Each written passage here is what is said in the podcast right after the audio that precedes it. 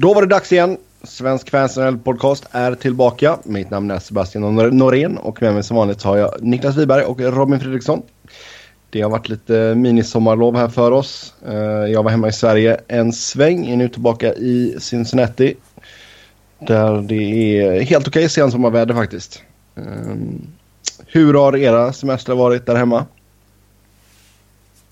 Ja. ja. Du har jobbat Robin i och för sig, men jag vet att Niklas har haft lite ledigt på riktigt. Eh, den tar slut för länge sedan. Så jag gjorde väl ingenting. Ja. Du, du hade en staycation? Ja. Låg hemma och drack whisky? Ja. Eh, det, det är väl en rimlig summering. du är ingen Baileys-drickare va? Nej. Jag drack typ sex glas Baileys igår. Oj, oj, oj. Och du lever? Ja, men det är ju inte... Alltså... Baileys är inte så starkt. Nej, men man får, ju, man får ju tänka på vem det är som dricker det också. Jo, det är sant. Nej, jag kände faktiskt inte av någonting. det, är du, det är tur att du inte är laktosintolerant i alla fall. Ja. är det typ O'boy med vodka i, eller vad? Är... Ja, mer eller mindre. Alltså de använder väl grädde tror jag i och för sig. Det är jävligt gott i och för sig. ja, vi får ta någon annan. Vi får köra en spritpodd en annan dag. Uh, nu ska vi prata hockey igen i alla fall. Det börjar dra ihop sig här till World Cup i alla fall. Så det är alltid något. Um, först och främst så ska vi gå på det senaste med kontrakt och dylikt som vanligt. Och uh, vi nåddes av nyheten att Patrick Roy slutar i Colorado som tränare. Och uh, Jared Bednar tar över. Och Robin, du ska ju få ta den här pucken såklart. först och främst, varför slutar Roy och eh, vad kan du berätta för våra lyssnare om eh, Bednar? ja, det här eh, ämnet i sig skulle man väl kunna snacka liksom en, eh, en timme om. Liksom. Nej, du får men, tio minuter får du. Oh, vad lång tid! Mm, det, är, det är lång tid. Nej, men liksom... Uh, nu, är, nu är det ju så länge sedan Raw slutade så att det känns som man glömmer någonting. Men uh, det som hände var ju att han liksom helt plötsligt det, här, det har inte ens varit några rykten alls om det här. Ja. Det har, all, Ävs har alltid varit en sån här organisation där väldigt lite läcker ifrån. Mm. Och Patrick Roy anlitar då en PR-byrå som släpp, där han går ut med ett uttalande om att han säger upp sig. Eh, och Joe Sakic är på semester då. Eh, det var ju ingen slump ju. Ja. Ja, det... Patrick Raw går på sitt eget sätt liksom. Mm. Det, eh, nej, men det går väl något rykte om att... Eh, det går ju många olika rykten här, men att det fanns en plan om att om Avs börjar säsongen dåligt igen så kommer man kanske överväga ett coachbyte. Mm. Eh, och det har... Patrick Ross säger ju själv att de inte har varit på samma page den här sommaren. Eh, Raw och övriga i front office. Vilket men, skulle men det... förklara varför Avs haft en förvånansvärt bra sån. Ja, men det måste ju varit han som ville driva igenom snacket som fanns om att de ville offra någon från sin core. Förmodligen. Och när det inte eh... blev så eh, så blev han arg för att han inte fick bestämma. Ja, jag är väl relativt övertygad om att han ville ha in Alexander Radulov också. Mm. Eh, kanske offra någon i kåren för att göra löneutrymme för Radulov och jag vet att Bergevin ringde upp Ra och att Ra gick i god för att Radulov är en fin pojk. eh, så att... Eh, Han gör mm. alltså Bergevin rätt upp i ansiktet. Ja, jag vet inte. Vi får väl se Radulov. Eh, men eh, sen så går det lite snack om att Ra vill ju ha möjligheten att skicka ner eh, Sadorov och Chris Bigra och Mikko Rantanen igen ifall han inte tycker att de eh, eh är bra. Liksom. Eh, mm. Medan Joe Sakic tycker att nej, nu kör vi på kidsen. Och det är kanske inte Patrick Ross melodi. Liksom att... Eh, eh, vara tålamodig med unga spelare sådär. Mm. Eh, men alltså, kanske. Men, Uh, Tror du verkligen det skulle ge Rantanen någonting att stanna ett år till i AHL? Nej, men uh, jag tror det främst gäller typ Nikita Sadorov som var största mm. prisen och fick tillbaka i O'Reilly-traden. Um... Alltså AHL tror jag inte är skadligt för en spelare att köra lite extra i. Däremot att slösa bort ett nytt år i ett juniorlag om det skulle varit fallet. Så jo, det, det köper jag absolut. Men det, alltså, det jag såg av, av Rantanen förra året i AHL var ju att alltså, det känns ju som att han är redo att ta klivet. Det håller jag helt och hållet med om. Men, men det är inte så att man eh, sätter käppar i hjulen för hans utveckling genom att spela ytterligare en halv säsong eller en hel säsong i AHL. AHL är ju trots allt, eh, även om det är en liten lustig liga så är det trots allt en bra liga att utveckla sig. Mm. Och eh, så det, där håller jag inte riktigt med om att det skulle vara några problem. Nu är det en helt annan diskussion om man pratar att han, eh, ja, den här regeln att han inte får spela AHL utan det är NHL eller juniorligan. Och mm, det är en regel, det har vi pratat om förut. Ja, man har redan bevisat allting i juniorligan och dominerat skiten och den i två år och så vidare. Då ser jag ingen mening med att skicka tillbaka en spelare dit. Men det, ja, det har ju inte ryktats något om det här men det ändå känns märkligt under sommaren för att man satt ju bara och väntade på att något skulle explodera i Avs. Alltså... Men Patrick Roy har liksom inte uttalat sig någonting under hela sommaren. Om mm. någonting. Liksom inte om eh, eh, Tyson Jones som de draftade, nummer 10 overall. Det sägs att han inte ville ha Tyson Jones. Han kanske ville ha eh, stora McLeod istället. Eller mm. Logan Brown. Eh, det, det, det är kanske bara liksom spekulation, jag vet inte.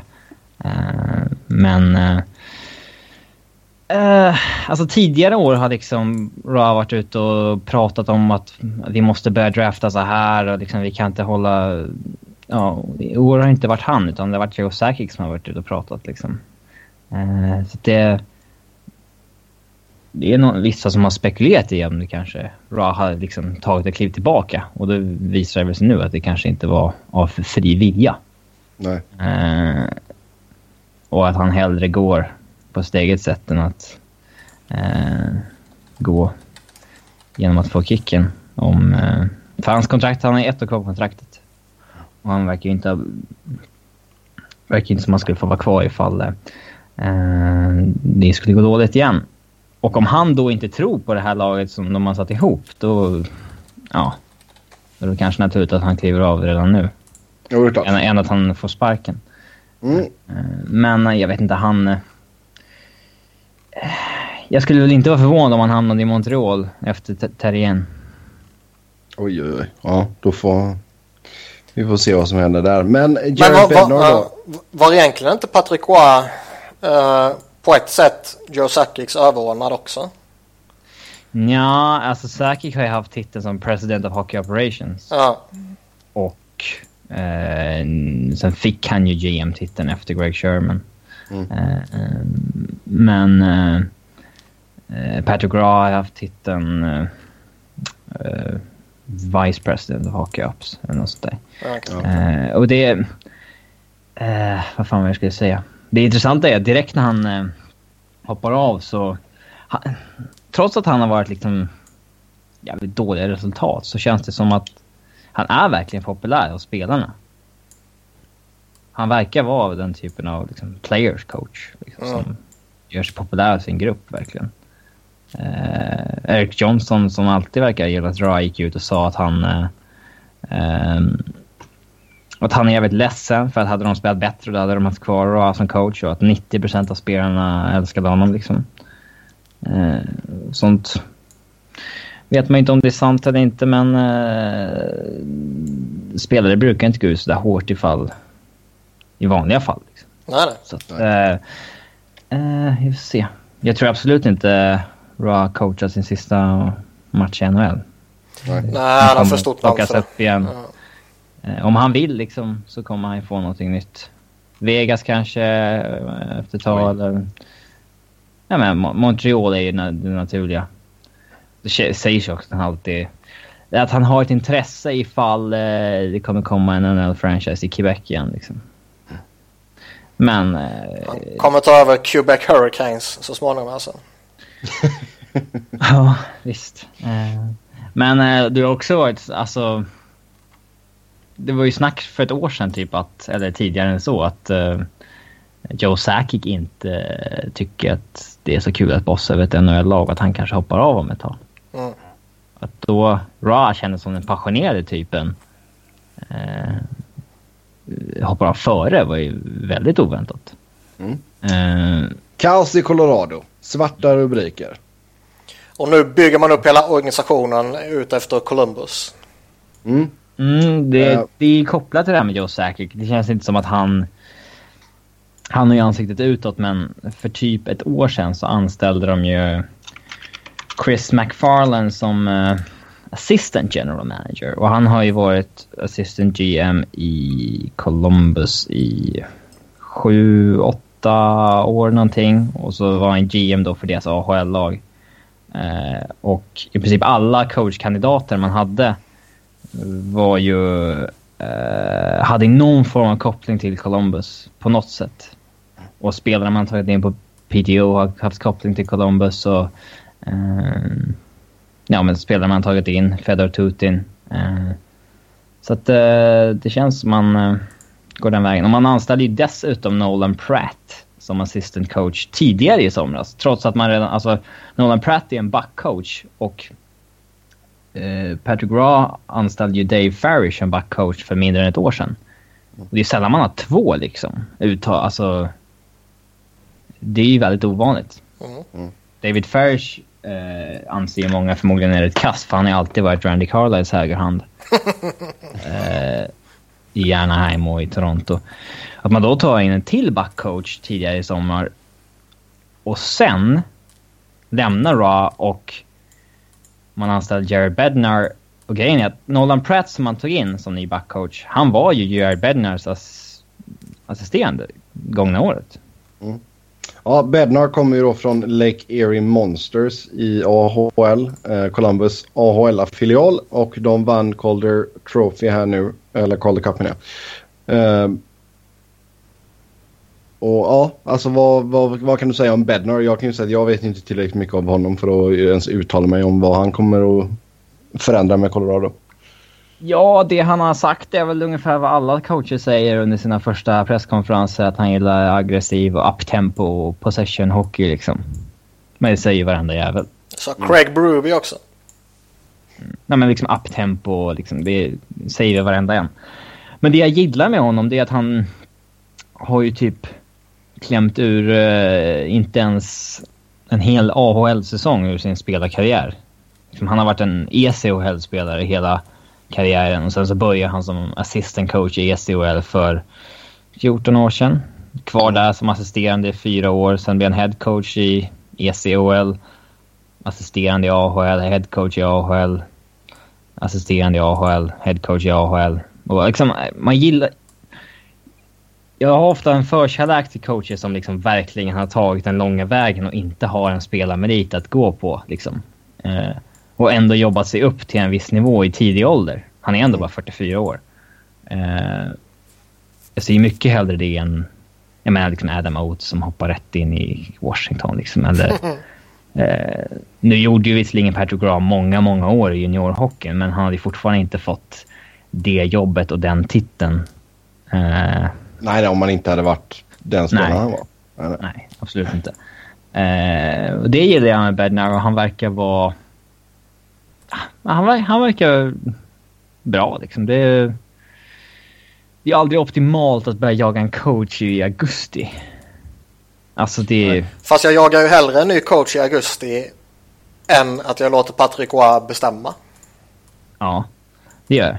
Men... Uh ja, Joe Sakic sa ju särskilt på presskonferensen att han vill tacka alla GMs som uh, tillät dem att prata med deras NHL-lags assisterande coacher och så vidare. Trots att det är så här tid, nära, nära training camp och så vidare. För det är ju inget lag som vill tappa sina, uh, sina assisterande så här sent liksom. Uh, men ja, det verkar ju stått mellan Jared Bednar, Travis Green, Eh, Kevin Deneen, gamla Florida-coachen. Uh, det verkar inte som de har övervägt liksom Bob Hartley eller någon sån.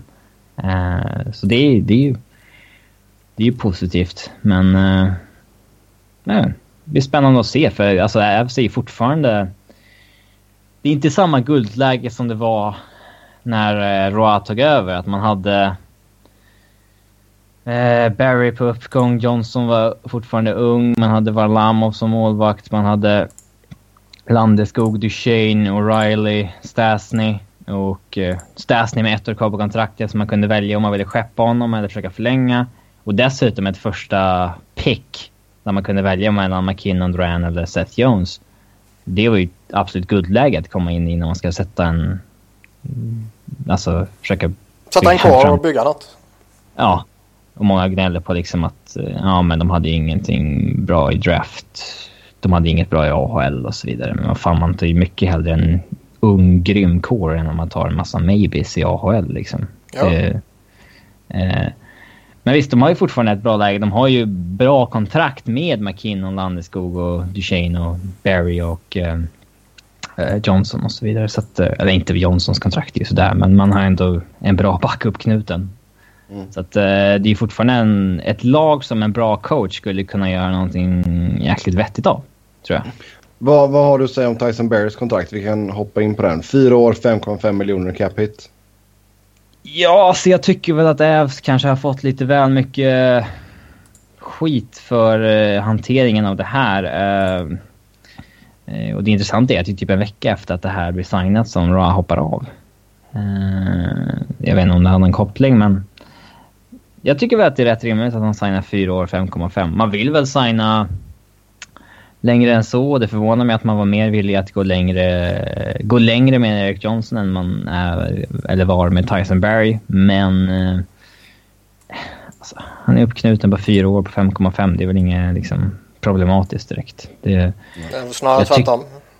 ja, jag tycker faktiskt att det är ett rätt rimligt pris också. Eh, jämför man med Sami Vatanen och såna här som...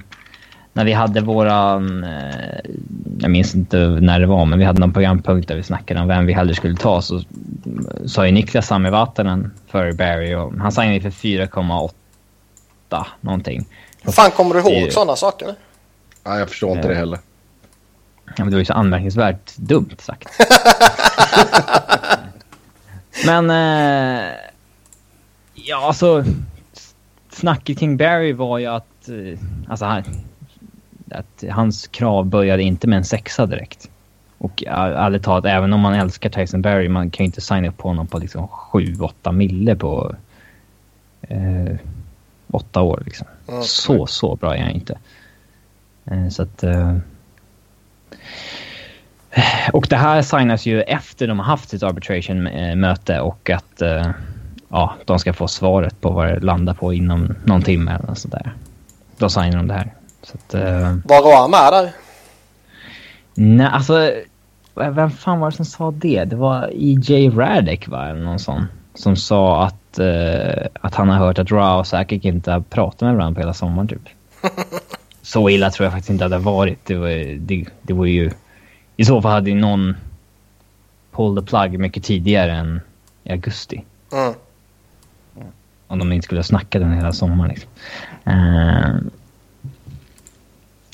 får se. Jag tror inte att... eh, jag tror inte att Ra, eller Barry-backarna är uh, Ras favoriter. Mm. Men vi får se. Yes, då går vi vidare. Eh, lite fler kontrakt här. Jerry Hoodler signar ett år i Dallas, 2 miljoner i cap hit. Hyfsat rimligt ändå för en 34-åring som har producerat ganska bra de senaste åren. Eh, han är fort, även fast han hade sämre säsong i... Han är 32 för övrigt. Eh, Han var 32. Ja, Även fast han hade en sämre säsong i fjol så producerade han ändå på första kedjenivå.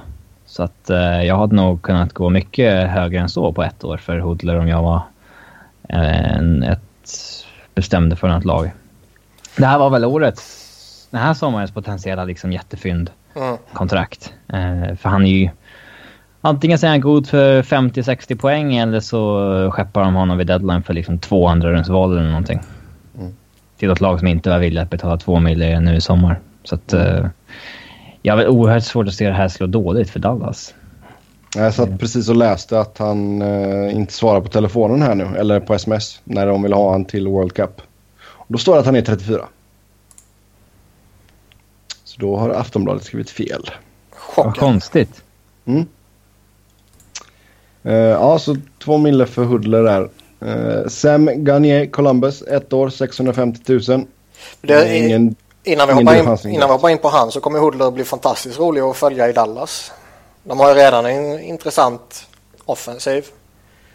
Med Spetsa och Seguin och Ben och Sharp och Cody Ekin och Turskin om han kommer igång och så vidare. Och slänga in Hoodler där så har han ju alla möjligheter att studsa tillbaka och producera riktigt fina siffror och nästa sommar få ett riktigt bra kontrakt. Mm. Hur, vilka kedjekamrater tror du han kan tänkas få? Ja, de jag räknar upp. Ja, men du får välja två. Bygg en kedja här nu.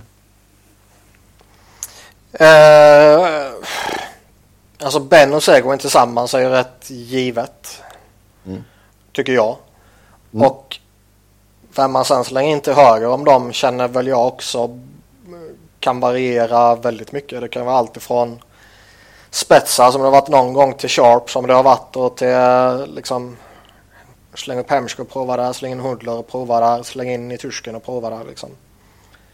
Eh, så det är väl svårt men någonstans så de är en duo och, och prova spetsar och Hundler som en annan duo kanske. Och prova slänga in Sharp och Niturskin i lite olika roller.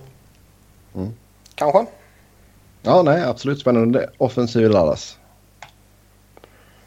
Sam Garnier då, Columbus ett år, 650 000. Uh, hyfsat billig chansning där av Columbus. Jag tycker det är en bra chansning.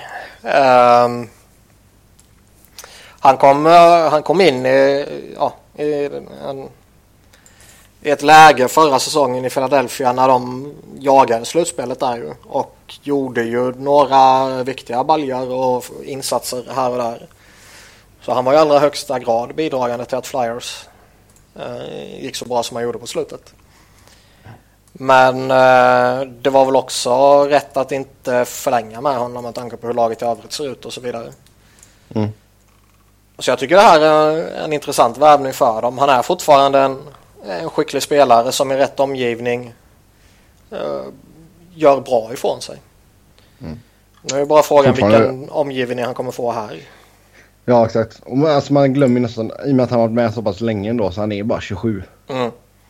Men liksom det, skulle de se honom som sin första center så skulle han inte signa efter 650k bara. Ja nej nej.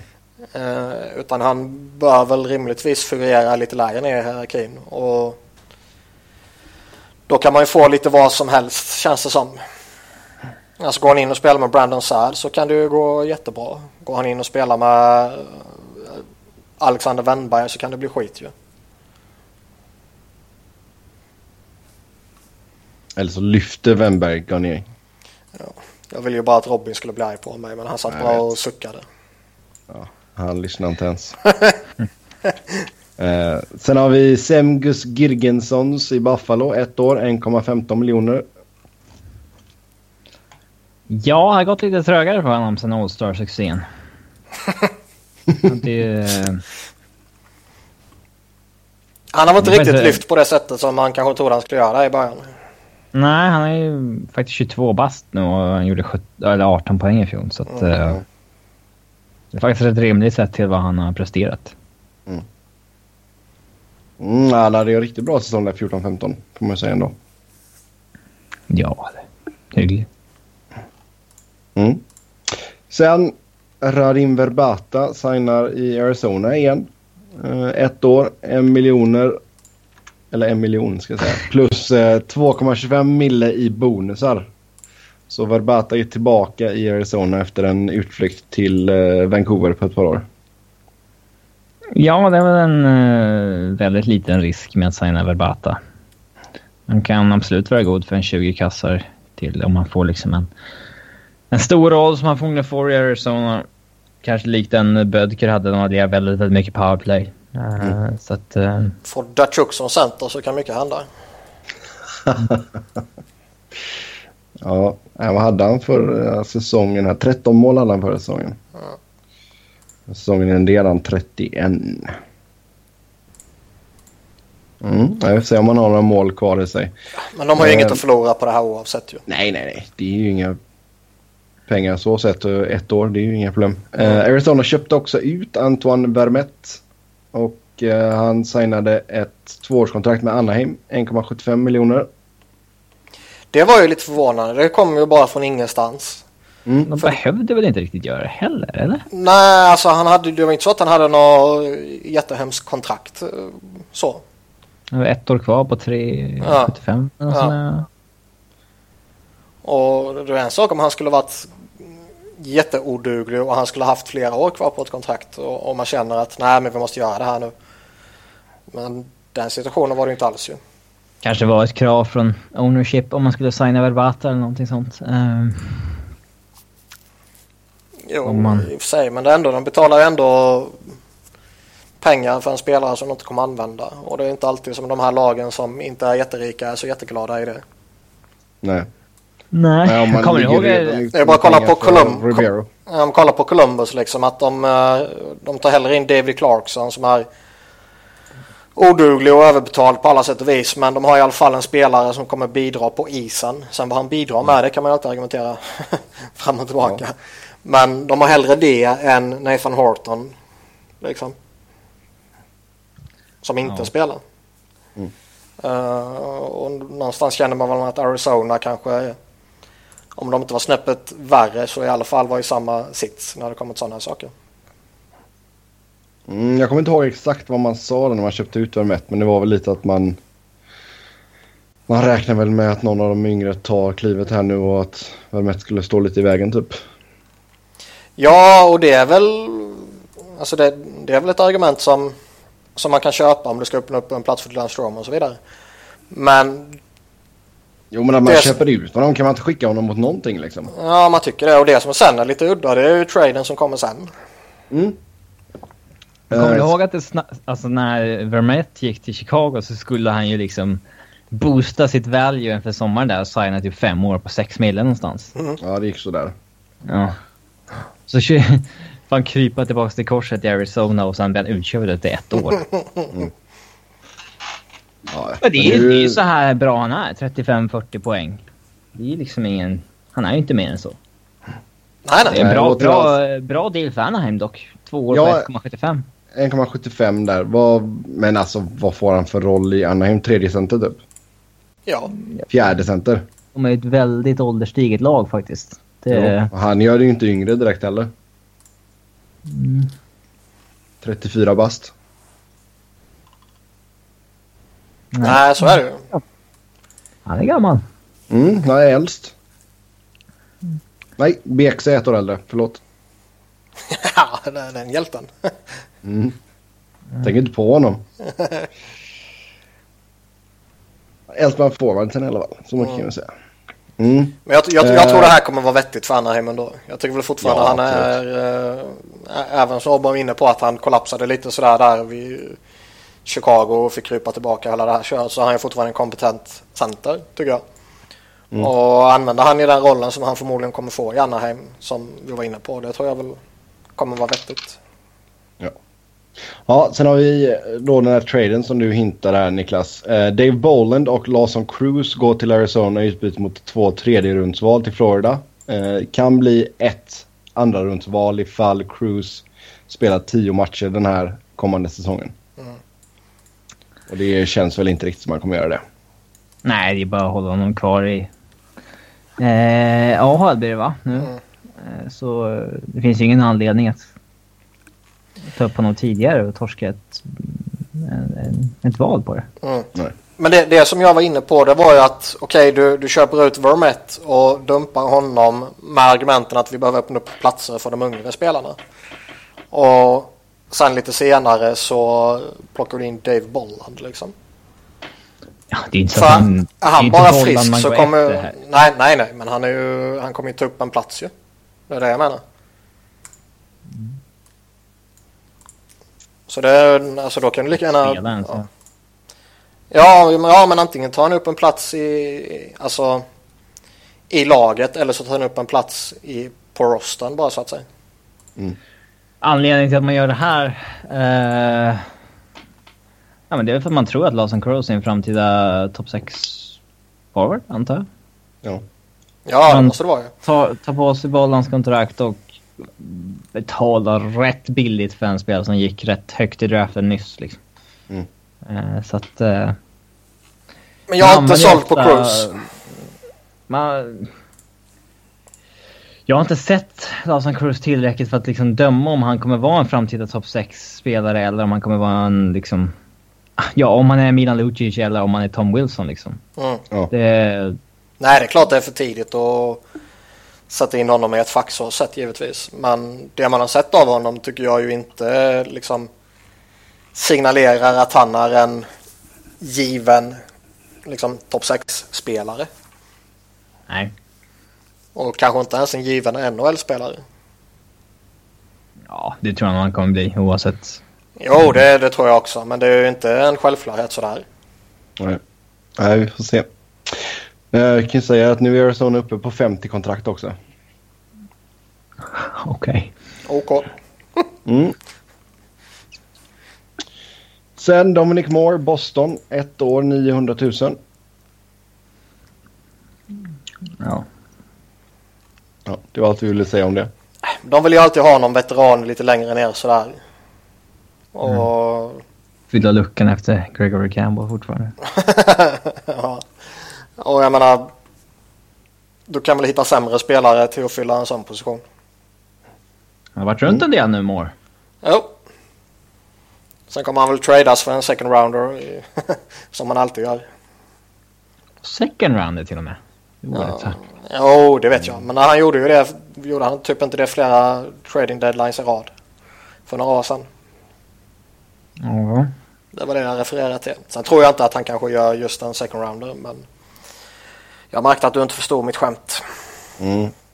Ja, Boston blir hans tionde NHL-klubb här om jag inte har räknat helt fel. Ehm, sen Brandon Peary, New York Rangers. Ett år, 1,1 miljon. Och sen så la man vantarna på Jimmy Vasey. Eh, två år, 925 000 plus maxbonusar. För den hypade, hypade college-spelaren. ja, hypade... Det blir alltså... Det är ingen som överdriver med vad Vasey är. Att liksom... Att han skulle gått till liksom topp 5 eller något i draften om han hade gått... Om han hade varit med i året eller sådär. Utan han... Det är liksom en kille som är... Precis på gränsen med första och andra val som är tillgänglig gratis. Mm. Det är därför det blir en hype liksom. Det är inte... Jag förstår inte riktigt det här med att han skulle få värsta stor press på sig av att han utnyttjar möjligheten att välja lag själv. Egentligen. Det är väl ganska naturligt om man har den möjligheten. Men det snacket kommer ju alltid av de här gamla stofilerna. Att när du inte... Alltså när du gör saker som inte är standard så att säga. Så kommer du alltid ha mer att bevisa än snubben som rättar in sig i ledet och gör som man ska göra. Mm. Vann ju Hobby Baker Award här nu också. Men det, ja, men det behöver ju inte betyda ett skit ju. Det har varit jättemånga, Nej, dukt, nej. Det har varit jättemånga duktiga som har vunnit. Alltså Jack Eichel och Johnny Hockey och mm, går man tillbaka ännu mer så finns det ju en Paul Carrea och sådana grejer. Chris Drury till exempel. Men det finns ju hur mycket skräp som helst också som har plockat upp den här och som var tajpade och sen inte blir eh, ett enda skit. Andy Mealy. Ja, Matt Gilroy liksom. Jag kommer ihåg när han kom in. Han var ju extremt tajpad. Justin Schultz hypad. Ja. Mm. Men eh, Peary är en bra värvning. Ett år på en miljon där så att ja, det tror jag. inget att förlora. Kan säkert göra 15-20 mål. Däremot kan man ju ifrågasätta vad fan Vasey går till Rangers va? Ja, märkligt men... Alltså det, det kommer väl alltid finnas den här fascinationen av att bo på Manhattan och spela på Manhattan och hela det här köret. Det säger ju, Mm, The Garden och så vidare. ja, det säger varenda spelare som går dit ju. Och det, det, den fascinationen kan jag ju förstå och hålla med om och, och det där. Men man måste ju även se att det här laget inte direkt är på uppgång. Nej, men ju fler som går desto... Alltså... Mer kan det ju ändå bli så. Nu har de ju Vasey 23, Peary 25. Inte för att jag tror att han är någon Nej, men det är inte så att, Men, det är inte eh, så att Brandon Perry liksom ändrar vilken riktning en franchise är på väg i. Nej, men och jag har svårt att se att Vasey gör det också. JT Miller 23, Hayes 24. Kreider är bara Bushnell. 25. Ja, Bushnevich 21 nu. Alltså det... Ja, men så länge de har de här som drar ner dem i skiten och så länge Henrik Lundqvist bara blir äldre och äldre så är det ju inte så att man blickar mot en kupp om fyra år. Lundqvist åldrar inte, det vet du. Alltså... Men det ser ljusare ut för dem nu än vad det gjorde för ett år sedan. Ja, Men det som suger för dem det är ju att Henke Lundqvist har ett kontrakt som är långt, långt, långt. Mm. Dyrt, dyrt, dyrt. Det kommer vara ett problem för dem. Förr eller senare. Malte Strömvall. Ja, just Malte. Hockeyallsvenskans Ovechkin där ett tag. 25 baljer för AIK. Det är bra. Typ 20 första 10 matcherna. Ja. Sen dog det av helt. Ja. Sen, vad hittar vi mer? Cody Ceesay, Ottawa, två år, 2,8 miljoner. Ja, typ exakt det väntade va? ja det känns väl så. Han är ju inte värd de här 7 år, 4 mille Nej, nej. kontrakten. Sen Jonas Eneroth signade med Toronto, ett ettårskontrakt, 750 000. Högst väntat. Eh, tyvärr för Jonas del så får han väl lönemässigt betala för att han eh, eh, gick till Kings då och hamnade bakom Quick och spelade väldigt, väldigt få matcher i fjol. Men Så vi vet han att han kan- kanske får spela hur mycket som helst denna säsongen. Andersen skadade sig ju i en eh, Ja. OS-kval. Ja, men alltså, jag menar att han tvingas signa för 750k. Ja, men jag menar får han spela mycket denna säsongen och gör det bra så kommer han ju få pröjs om ett år. Mm. Ja, Vad är rapporterna på Andersens skada? Jag vet inte. Jag har bara sett att Toronto skulle flyga in honom. Ja. Det är läget är kritiskt. Ja, Ja, men eh, jag tror att Leafs är ett smart val för Enroth. ja. Mycket exposure, blir lite bundis med den median där borta så kommer man automatiskt få ett nytt kontrakt någon annanstans sen också. Eh, så att... Eh, eh, sen är han i grunden en, stabil och pålitlig målvakt. liksom. ja. Mm. Sen har vi Sean Monahan, Calgary, sju år och sen strax under 6,4 miljoner i capita. Mm. Det var väl också 75 ganska, ganska väntat. 75 000 mer än McKinnon. Mm, men han är bättre. Ja, mycket bättre. McKinnon är en eh, one-hit wonder. ja då hans första säsong. Ja. Alltså ni vet att jag är jävligt förtjust i Monahan. Och någonstans känns det som att det var något sånt här man kanske väntade sig. Tycker jag. Han är inte den här flashiga spelaren man ändå gjort typ 30 baljor två år i rad och över 60 poäng två år i rad. Ja. Så att, eh, Det är bra siffror. Att göra det när man är så ung och göra det i Calgary och så vidare. Så jag tycker det här var rätt rimligt. Mm. Kan det här vara en fingervisning på vart eh, Johnny Hockeys kontrakt landar på? nej.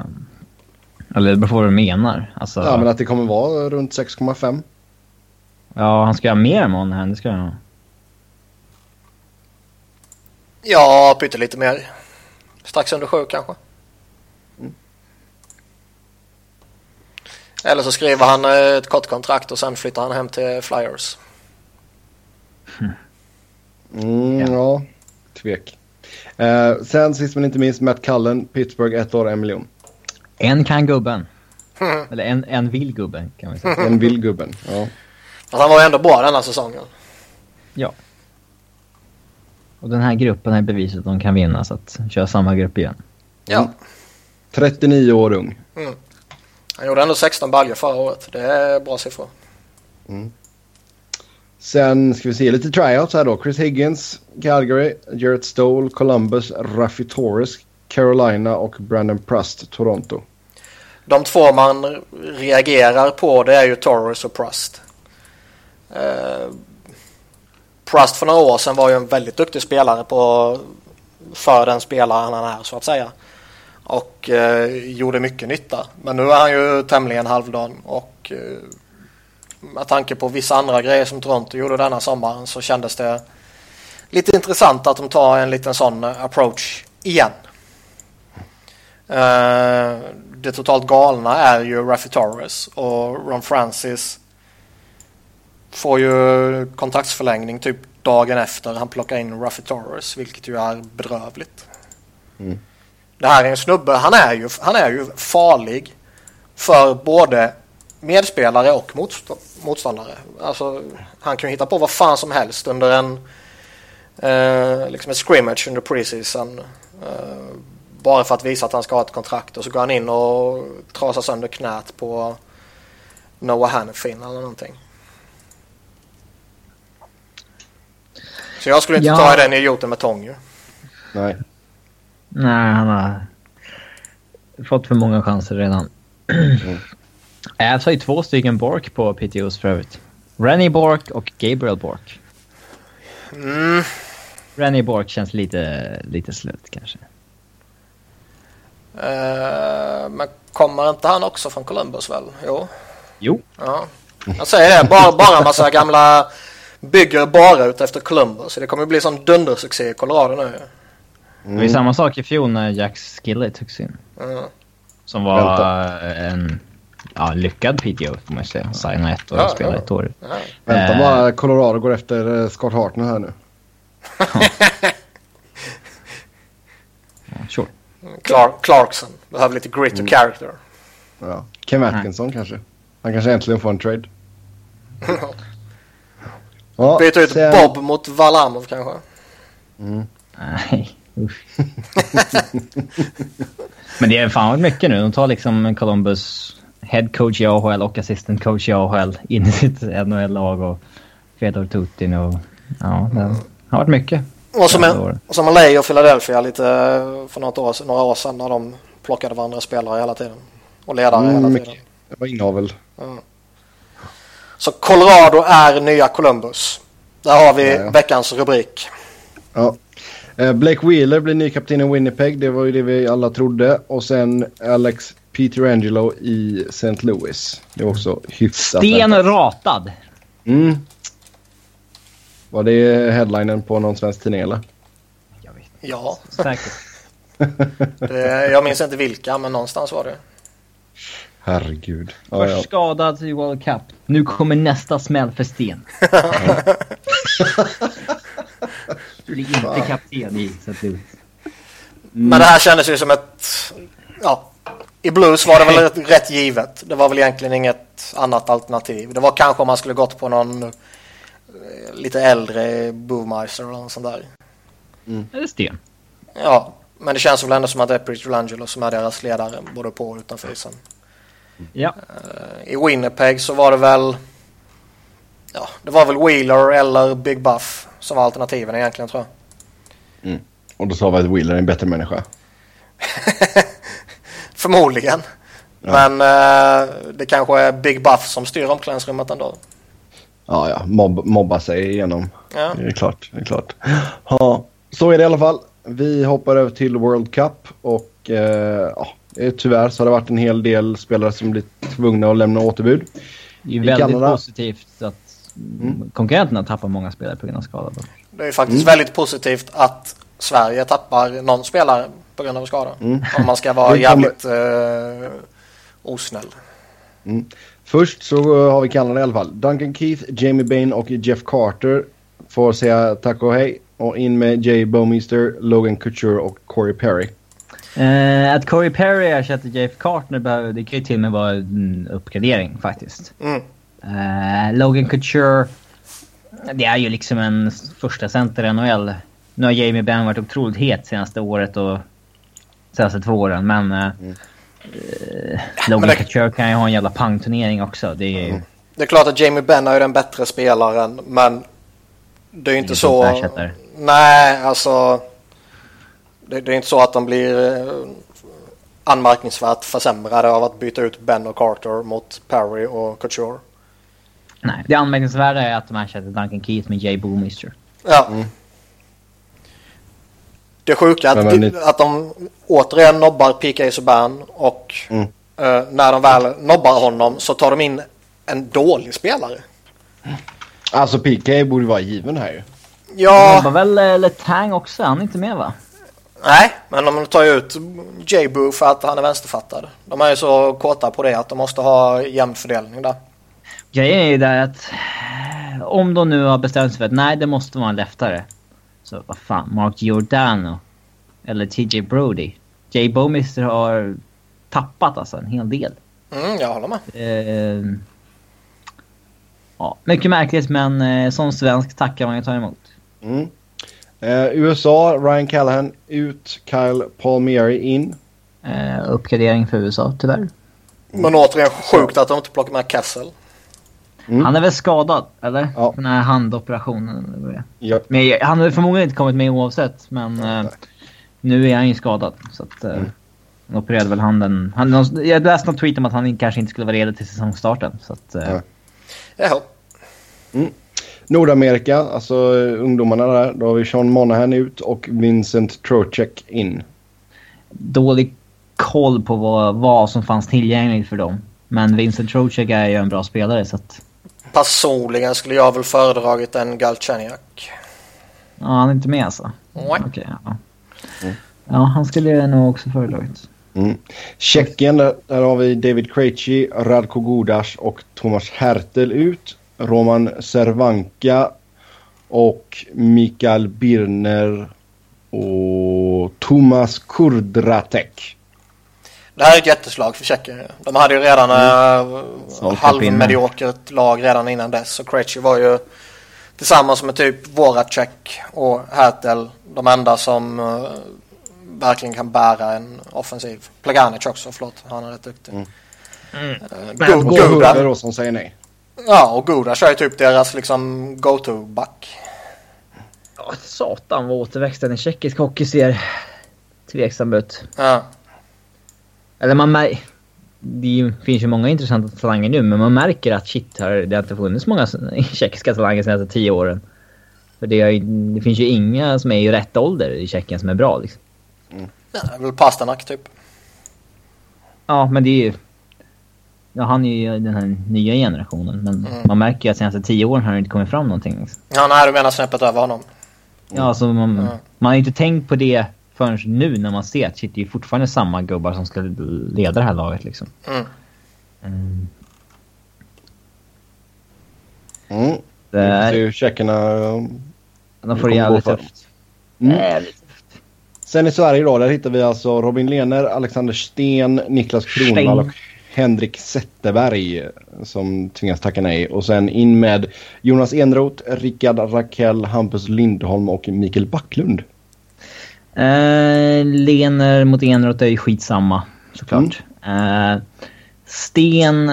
Mm, det var ju då Rakell kom in va? Ja. Eh, kanske förvånad att det inte blev Nyqvist där. Eh, och inte heller Donna Zetterberg försvinner. Men eh, Det är ju faktiskt jävligt fascinerande att de petar honom. Alltså, han kommer ändå hem till, till VM, och VM. gör det bra. Och man känner liksom att allting som har betytt någonting de senaste åren det är att du kommer hem och representerar under VM. Då, ja, det kan man inte förstå att det betyder någonting för dem. Alltså att de ändå värderar det liksom. Ja. Att, eh, Och sen kom, är det en snubbe som äntligen kommer hem och faktiskt gör det bra. Och sen blir han nobbad gång på gång på gång. Mm. Det är lite skoj. Ja, det är lite konstigt. Nej, det är konstigt. Det är skoj. Det, det gjorde de fel tycker jag. Eh, Hampus Lindholm in istället för Kronwall, det är ju en ganska bra uppgradering alltså. Det är en superuppgradering. Helt plötsligt Mm. gick ju Sveriges backbesättning och blev helt utan några bästa. brister. Ja, det var den förmodligen redan innan kanske. ja, Det är de eller Kanada och där, där är det väl... eh, Ja, där tar vi the edge nu med Lindholm. ja. Tappar vi en till så är Klingberg redo att gå in. Så att det Mm, ja. känns hur bra som helst där faktiskt. Men förmodligen, jag menar... Kronvall eller Lindholm. Förhoppningsvis skulle väl Kronvall varit sjunde back. Jag tror inte det. Men om Det man... hade han ju inte varit. Nej, det tror inte jag heller. Nej, det är men, det men som om är man, problemet. Ja, men, men om man leker med tanken att han skulle varit det. Mm. Eh, vilket de förhoppningsvis skulle märkt efter en eller två matcher i alla fall. Så skulle det ändå varit samma backbesättning som skulle spelat. För jag tror inte att Lindholm går in bland de sex nu. Nej, jag vet inte om de har... Det kan man inte klandra dem för heller. Det är ju en extrem konkurrens där alltså. Mm. Eh, och nu är det ju faktiskt så... Det är så många bra namn där att det liksom... Det spelar ingen större roll vilka de satsar på. Så länge de inte Visst. petar Erik Karlsson. Så länge inte Erik Karlsson blir sjua nej, så är det liksom rätt mycket... skitsamma vilka de väljer att sätta ihop med vem. Liksom det, det är elitspelare på varenda position där bak nu så att det... Ja. Det går, det går inte att göra något fel liksom. Nej. Däremot är jag rätt missnöjd med Backlund. Mm. Det det indikerar är väl att man såg Zetterberg som center i alla fall, eller? Jo, men det kändes väl rätt givet. Mm, kanske, eller... Ja, kanske. Ja, men det tror jag nog. Men är, även, om, även om du vill en ny center så skulle jag hellre ta Zibanejad liksom. Ja, men med tanke, tanke på att både Söderberg och Kryger var uttagna innan så kanske att man såg... Uh, att man såg Zetterberg som en... Då kändes det ju som att Zetterberg skulle spela winger. Mm. Med... Uh, ja, men, uh, ja, jag vet inte. Mm. Men det är faktiskt inget... Alltså, det är klart att får man välja mellan Zetterberg och Backlund så tar man ju Zetterberg. Men... Eh, ja, men vi ska, vi ska inte... Ingen super, det är inte så, så att oj, här försvann Tre Kronors chanser. Att vi... Alltså Kronwall Zetterberg mot Lindholm Backlund är en bra trade om vi slår ihop dem.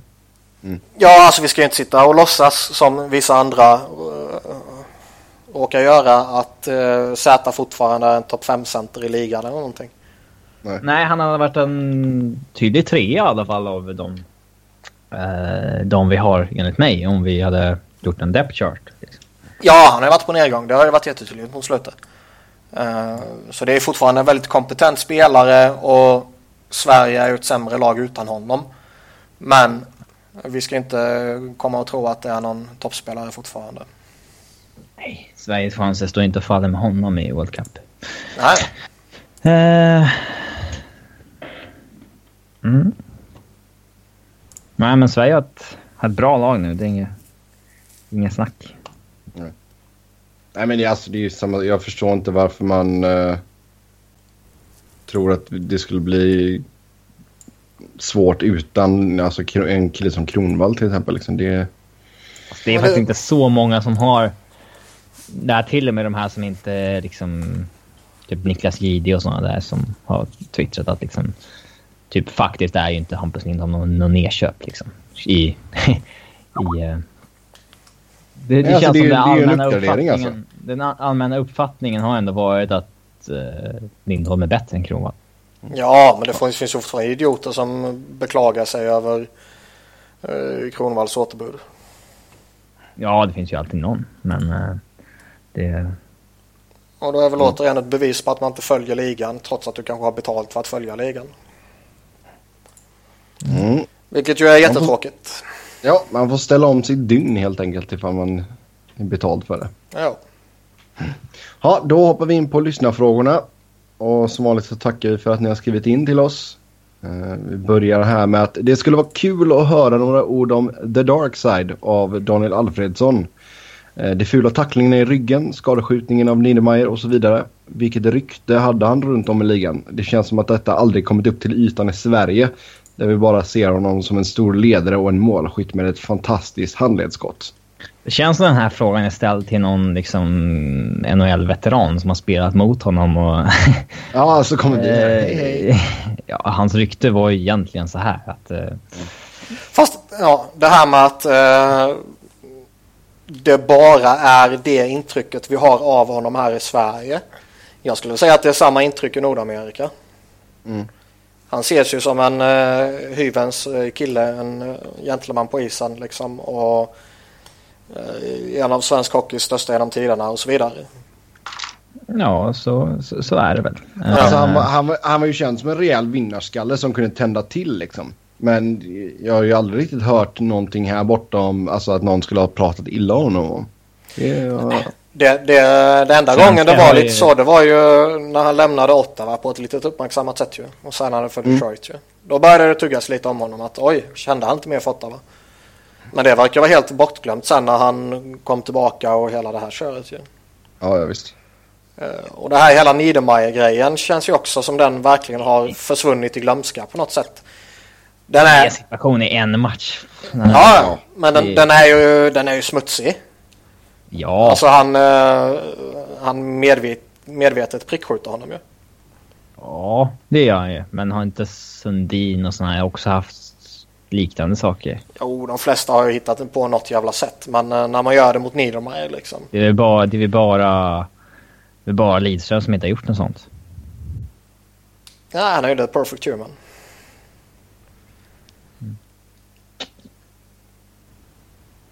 Men... Eh, Jag kan inte tala in om, om Danne. Ah. Nej, men det gör inte du med någon som kommer från Frölunda. Det är ju därför vi måste ta vårt ansvar och säga att han var jävligt smutsig när han uh, lämnade Ottawa på sättet som han gjorde. Ah, vi kan säga så här, Alfredsson är ju inte en Shane Doan som liksom i själva verket är jävligt smutsig men kommer undan med det för att han är Shane Doan och liksom har varit lojal mot Arizona och så vidare. Mm.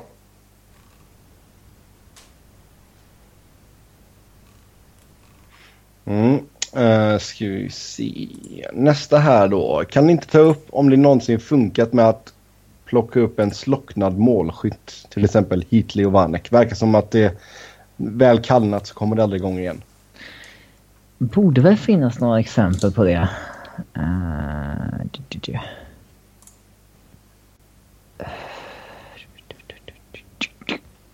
Svårt så här on the top of my head bara men... Uh... Mm.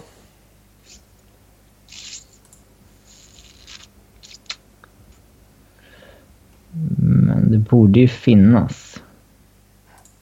Något exempel finns det ju alltid. Uh,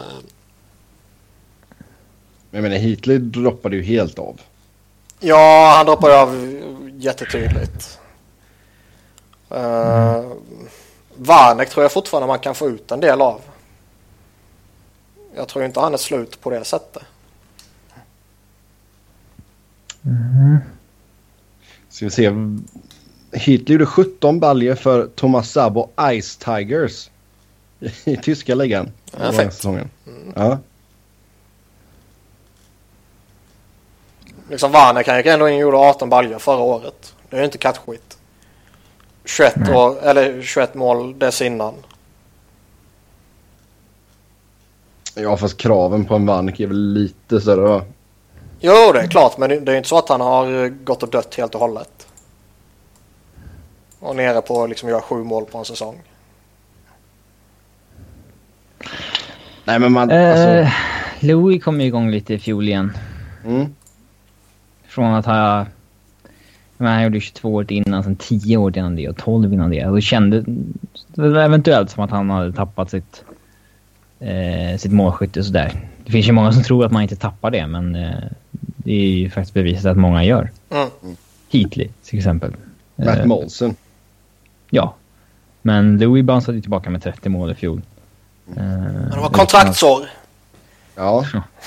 Ja, exakt. Eh, vad kan vi mer ha för exempel?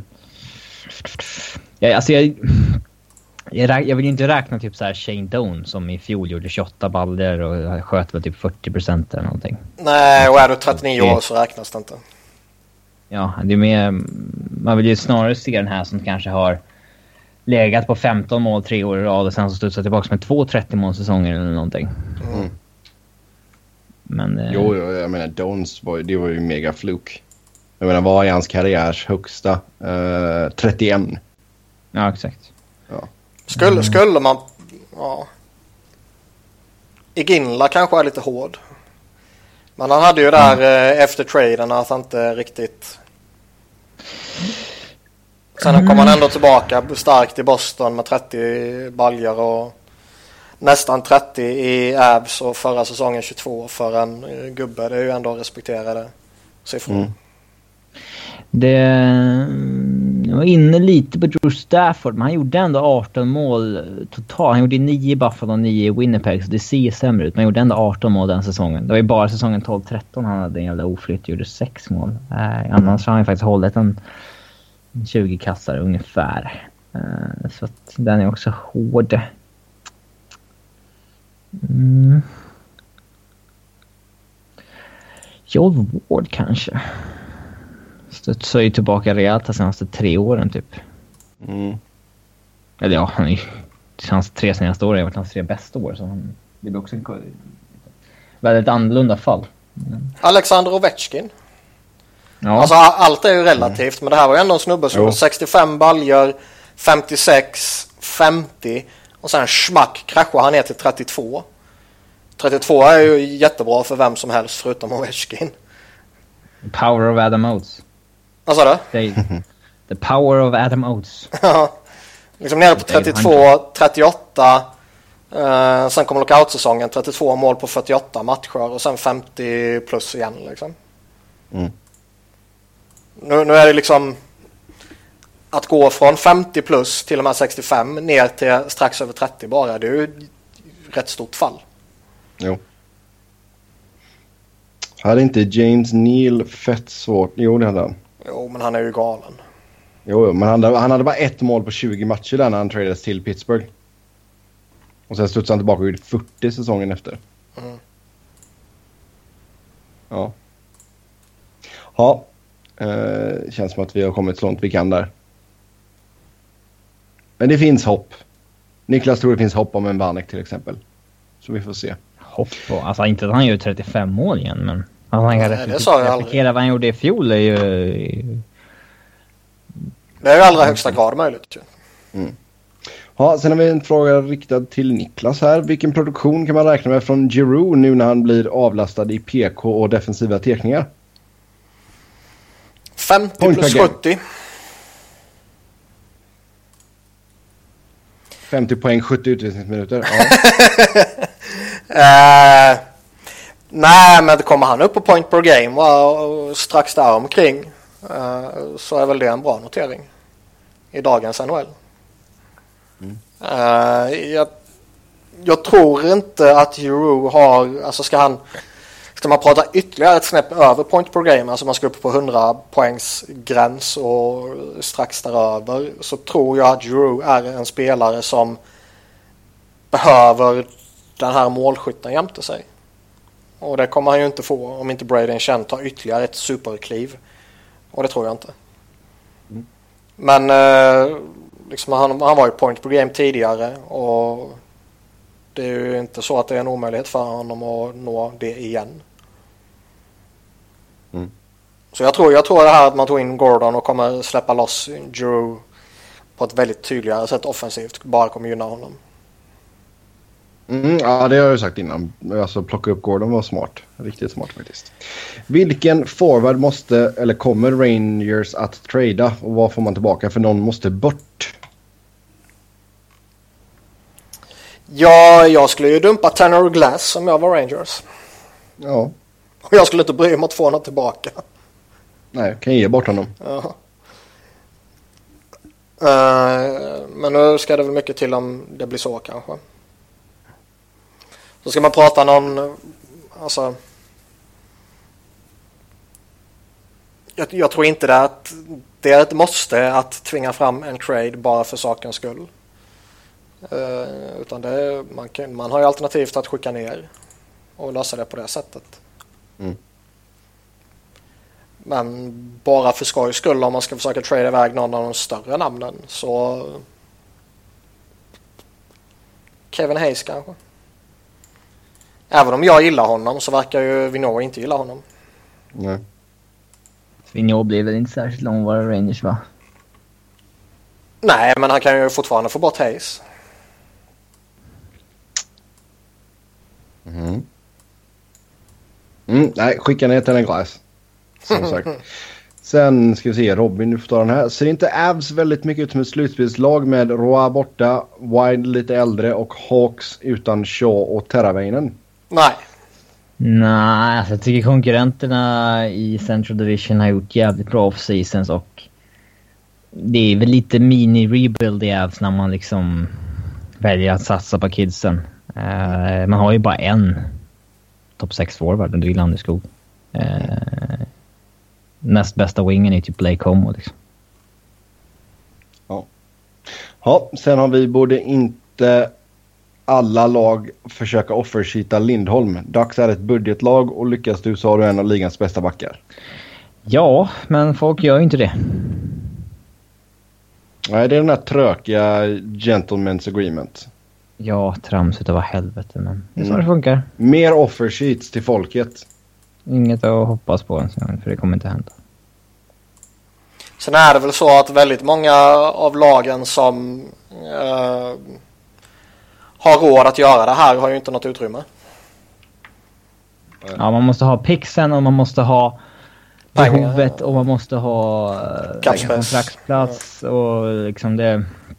Och helt enkelt cap space också så att... eh, mm, det är inte, väl, inte- det är väl inte hur enkelt som helst.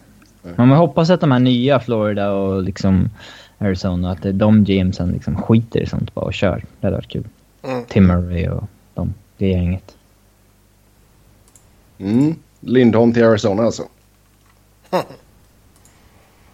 Det hade varit helt okej. Skulle få ett OK första par i alla fall. Ja. kan man lugnt säga. Ha, sen är det någon som har bett oss kommentera NHL 17s topp 10-rankingar. Så då eh, hoppar vi in på den. Eh, lite förvånande att Sverige inte hade 100 på World, för de gjorde ratingsna på World Cup här nu. Ja, men det var väl när de hade med Kronwall kanske. Mycket möjligt. Kanada 99 overall. Offense 100, defense 100, goaltending 95. Jag tror det är spelarna den här snubben är mer intresserad av och inte Okej. World Cup-rankningen. Då skiter vi i World Cup-rankingen då. Jag tycker Eh. det. Topp 10 målvakter. Boom. Nummer 10 Ben Vart Bishop. finns de här listorna? Det finns en länk i Facebook-chatten. Ja, det. Ja. Nummer 10 Ben Bishop 89. Detta är alltså overall då. Eh, och sen har vi 9 Tokarask också 89. Mark Andre Fleury på åttonde plats 90. Corey Crawford sjunde plats 90. Pekka Rinne sjätte plats 91. Corey Schneider femte plats 91. Henrik Lundqvist fjärde plats 92. Braden Holtby tredje plats 92. Jonathan Quick andra platsen 93 och Kerry Price första platsen 93. Det är ju såklart eh, tre saker som drar blickarna till sig. Det är ju att Jonathan Quick ska ju såklart inte vara tvåa. Det fattar ju vem som helst förutom Sebbe. Och Pekka Rinne ska ju inte vara så bra. Och Nej, han är nog utanför topp 10 numera. ja, Mark-André Fleury ska väl inte vara så bra heller. Nej men det verkar ju som att liksom, för de highlightar några av de här höga då som de har här. Så till exempel Quick då, då har han ju 94 aggressivitet. Eh, 92 i speed och 92 i agility. Ja, alltså det, de här med ratingsarna är ju väldigt... eh, det kommer väl det när vi pratar med backarna också att... Mm. eh, det är ju någon for, Det är jävligt... Alltså rankingen blir ju väldigt konstig för att det som betyder något i spelet är vad de har individuellt på varje grej som man kan ge en rating på. Vad totalratingen säger är ju skitsamma för hur bra spelarna är i spelet. Så att en spelare som inte har ett fysiskt spel kommer ju tappa väldigt mycket på totalrankingen för att hans fysiska kategori är väldigt låg. Exakt och Där det ser vi när vi går in på topp 10 på backarna. För där har Ja. vi Och Dustin Bufflin 91 på tionde plats. Pique Subban 9 91. Vlasic 8 91. Hedman 7 92. Brent Burns 6 92. Erik Karlsson 5 92. Eh, och då är det på grund av hans physical game då som att han sjunker ner till 92. Ryan Sutter 4 93. Duncan Keith 3 93. Shea Webber 2 94 och Drew Doughty 1 94. Det är så mycket konstigt här. Ja, alltså... Men Alltså återigen, Web, det Webber. Men då har han liksom 95 i slapshot power. Han har 93 i strength och 92 i bodychecking liksom. Ja, men det är... Skulle vi se deras liksom individuella kategorier så skulle det ju inte förmodligen inte se så konstigt ut. Mm. Men eh, det blir ju den här mm, sammanlagda grejen blir väldigt skev ibland på NHL. Eh, du kan ha en forward som har mycket lägre overall men som är mycket bättre än en kille som är högre overall för att han ja, saknar en tacklingskategori eller någonting. Liksom. Exakt. Eh, så det, ja, det är inte så så att jag är rätt övertygad om att det, du kommer få bättre, bättre spelare i spelet med Erik Karlsson än vad du får med... eh, Mm. Nej, men jag kan säga det liksom. På, på backarna då, då är det alltså sex kategorier som- som eh, determine ratings attributes. Så det är puck skills, senses, shooting, defense, skating och physicality. Jag tycker det är en skandal att Ghost Bear inte är med. Topp 10 left wingers. Där hittar vi Alexander Sten, 10 plats, 88. Landeskog 9, 88. Filip Forsberg 8, 88. Daniel Sedin 7, 88. Väldigt många svenskar där. Zach Parisi 6, 89. Mac Pacioretty 5, 89. Johnny Hockey 4, 90. Taylor Hall 3, 90. Alex Ovechkin 2, 94 och Jamie Benn 1, 94.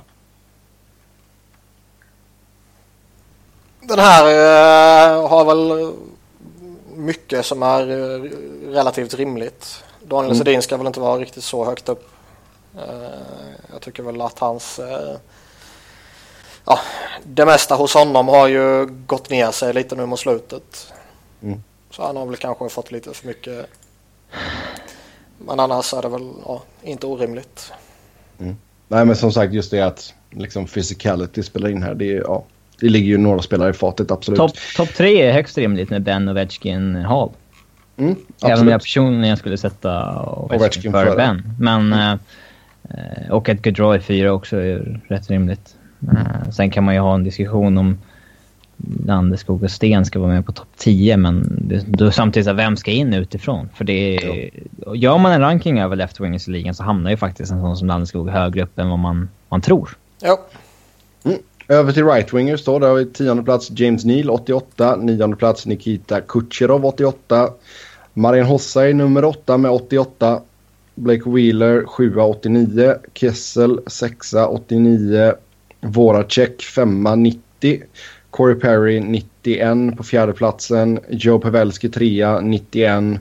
Vladimir Tarasenko 2 93 och Patrick Kane 1 94.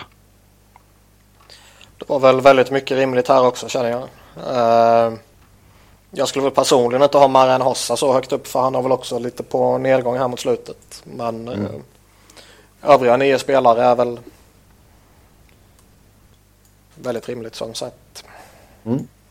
Och sen har vi centrarna då. Tionde plats Claude Giroux 91. Nionde plats Bäckström 91. Ryan Getzlaff 8 91.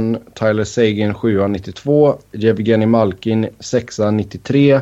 John Tavares 93 på femte plats. Ange Kopitar 93 fjärde plats. Steven Skamkos tredje plats 94. Jonathan Taves andra plats 94 mm. och Sidney Crosby första platsen 95.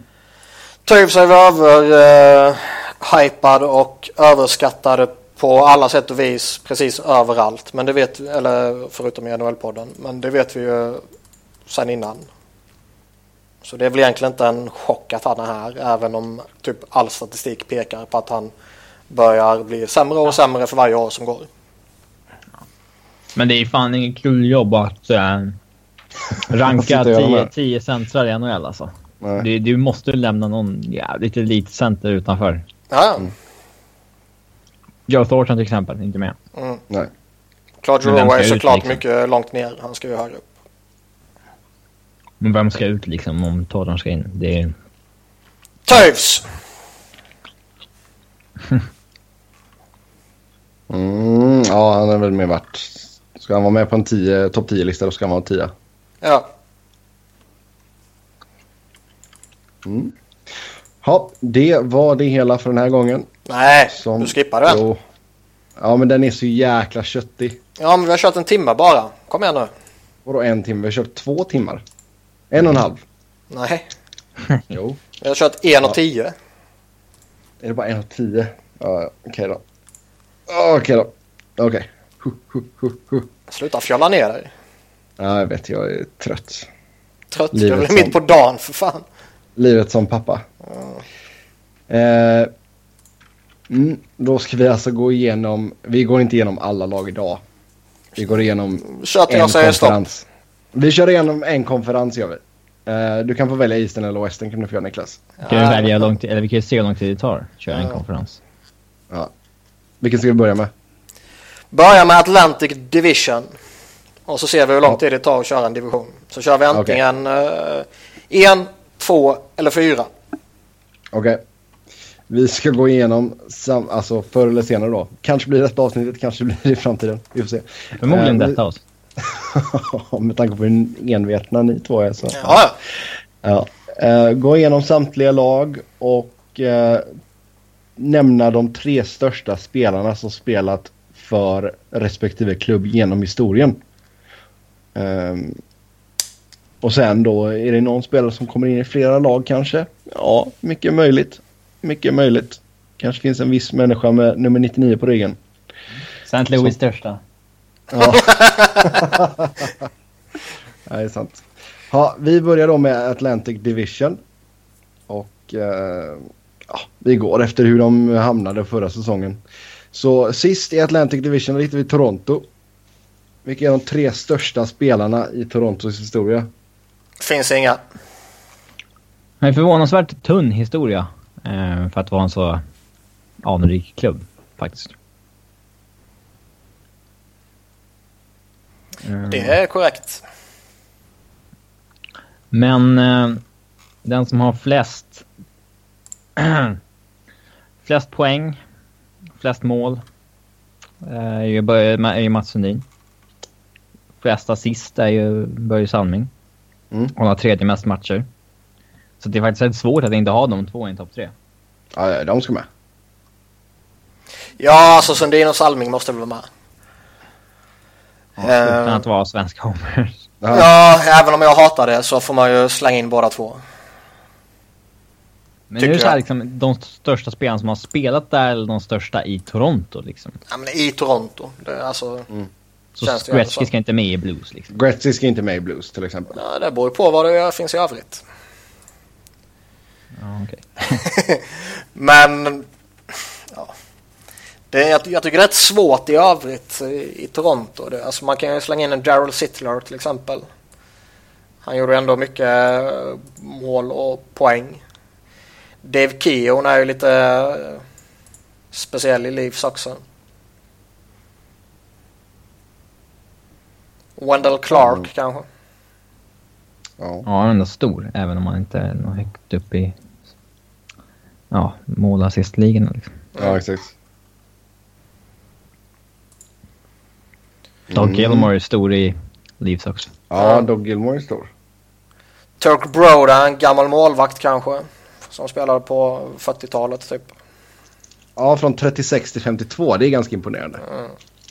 Det är ju ändå i, i, vad säger man, i gamla kretsar så är det ändå ett respektabelt namn och eh, han har ändå flest vinster genom tiderna i Toronto. Mm. Ska vi ta turken då? Vi tar turken bara för skojs skull. Vi tar turken. Sen då vidare. Eh, Buffalo slutade sjua. Eh, Pat LaFontaine. Självskrivet namn. Ja, klar etta är ju Dominik Hasek. Ja, så länge han inte hissas. ja. Men han är klar etta. Um... Gilbert Perrault ska ju med också. Ja, för att han har gjort överlägset mest poäng i uh, franchisens historia. Ja. Mm. Då har vi de tre där då. Okej. Okay. Vilka tre sa vi? Hasek och Perrault. Sebbe sa, och... Sebbe sa Pat LaFontaine. Pat LaFontaine, alltså. Mm. Ah, Självskrivet. Jo. Han, eh, alltså... Han spelade majoriteten av sin karriär i Islanders.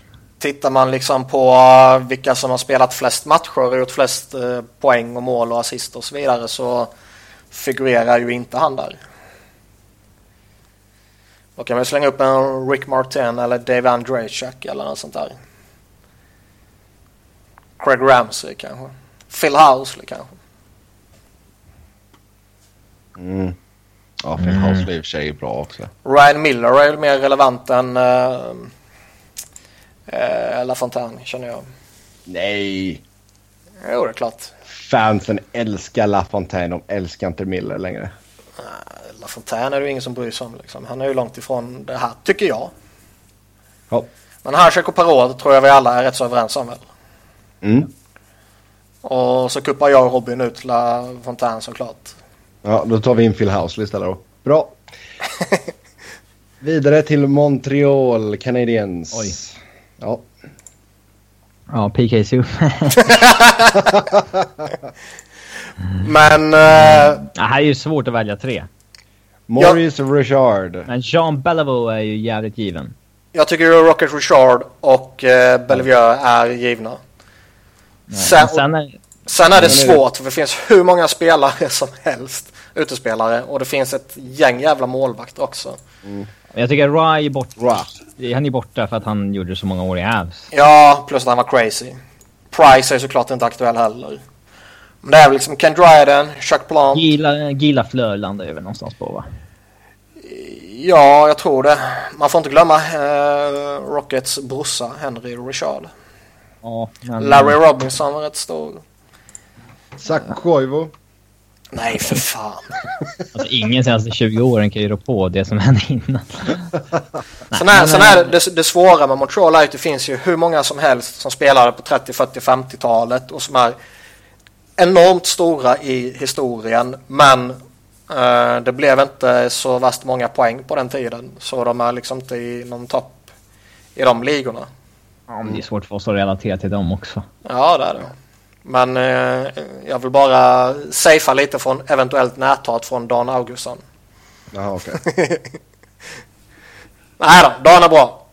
Ja, vad då? Fleur. Är det någon som eh, kan eh, Montreals historia så är det Dan.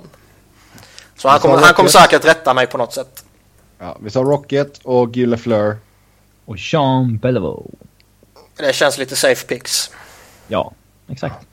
Ja. Undvika näthat. Då gör vi det. Sen har vi Ottawa. Finns inga. Mm. Daniel Alfredsson. Ja. det- Ja, han är väl som mest given man bara kan bli. Jason Spetsa Mm. också. Ja. Sen... Sen är det väl men det är ju nästan Erik Karlsson efter det. Alexi Yashin. Chris Phillips kanske. Radek har- Bonk. De har inte... Alltså Yashin har inte den statusen i något lag. Nej, Yashin är inte där ju. Och Erik Karlsson är ju... eh, Jag tror att han har betydligt högre större status i Ottawa än i Chris Phillips. Ja, det tror jag med. Ja, Alfredsson, Spetsa, Karlsson. Fan vad tragiskt. Att Ja, det vi inte känns- har något... Väldigt nytt alltså. Ja, men fan, de kom in 92 var det väl? Jo, sant. sant. Uh, ja, sen har vi Boston då. Boston Bruins. Jag sticker ut Esposito. eh, hakan och säger Bobby R. Oj, oj, oj. Och så säger jag Phil Esposito. Och så Då säger jag Ray Bork.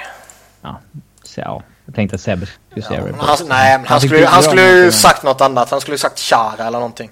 Nej, inte Chara skulle han inte Ja, sagt. Men eh, Don Sweeney skulle han sagt ju. Det- Ray Ja, Bork. ja, vi har ju sagt det. Jaha, okej. Jag lyssnar inte på dig.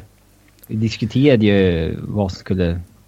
Ja, Jag lyssnar inte på dig. Förlåt. Eh, vi har ju... Det finns väl- utanför liksom. Ja. Eh, John Busick får man inte glömma heller. Han har gjort många, många poäng för Boston.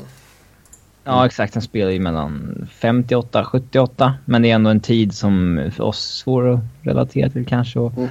Esposito och uh, Bork är större namn i hockeyvärlden. Sen har vi Detroit Red Wings.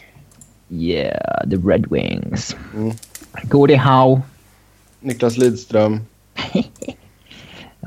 Jo, men Lidas är ju Jo, faktiskt jo, jo, det är okej, det är okej. jättegiven. I, Jo, men, Ice, och Icer, Howe och Lidström blir det. Bob Probert. Hur ser man på en sån som Terry Sarchak?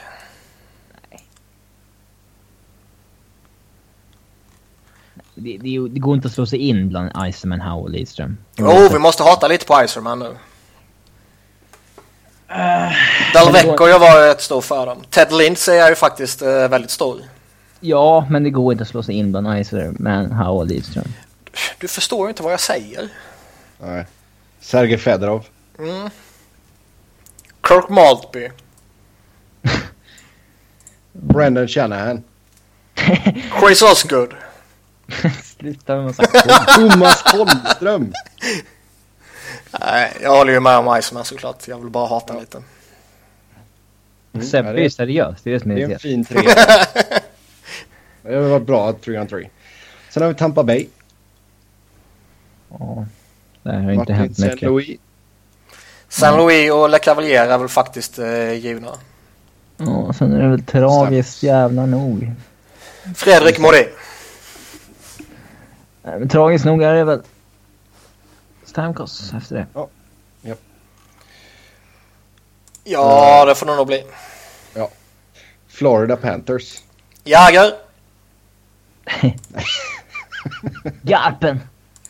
Eh, alltså det är ju helt tragiskt att deras franchise scoring leader är Olli Jokinen. Ja, han, är ju, han var ju faktiskt bra på den tiden. Ah, fy. Han är ju oförtjänt dåligt rykte. Han hade ju faktiskt en period där han var liksom en point per game center. Ja. Jo. Mer än så till och med. Eh, Pavel Bure. Ja, ja, han får man ju kuppa in. Van Beesbrook kanske. Eller Van Mo- Bees- ja, Ja, absolut. Det Bobby ju- Lou kanske. Ja, jag vet inte. Van Beesbrook var där jävligt kort tid i och för sig. Fem säsonger var det Ja. va? Visst. Och Bobby Lou mer väl. Men Jokinen, Boré. Jovanovski var ju där länge. Ja. Han var ju där. De tog honom etta och han spelade för fan där. Nej, det var inte så länge första vändan. Det var bara fyra år. Mm. Vad har vi mer? Steven Wise har gjort en del poäng för dem. Ja, men han kan. Ah, tråkigt. Ja, men Florida är tragiska. Nej, men vi, vi säger... Pff, Ja, fy fan. Ray Whitney. Vi säger Boré, Jokinen och Jäger. Nu går vi vidare. Jockin. Ja, Jokinen är ju jättegiven. Ja, fy fan. Ja, det var Atlantic Division det. Vi Ja, går vidare okej. till Metropolitan. Där hittar vi i botten Columbus. ja, Rick the Dick är solklar etta. Ja, Uh, fy fan, David Wyborny tvåa i deras scoring. Mm. ja vet du vem som är trea? RJ Amber. Amber. Eh, Sexigt. Vad fan, har, vad har de mer? De måste ha någonting mer som inte syns i poängkolumnerna bara. Steve Mason. Nej. Viborni tycker jag ändå man ska slänga in. Han var ju rätt stor för dem. Alltså allt är ju relativt ju. Ja.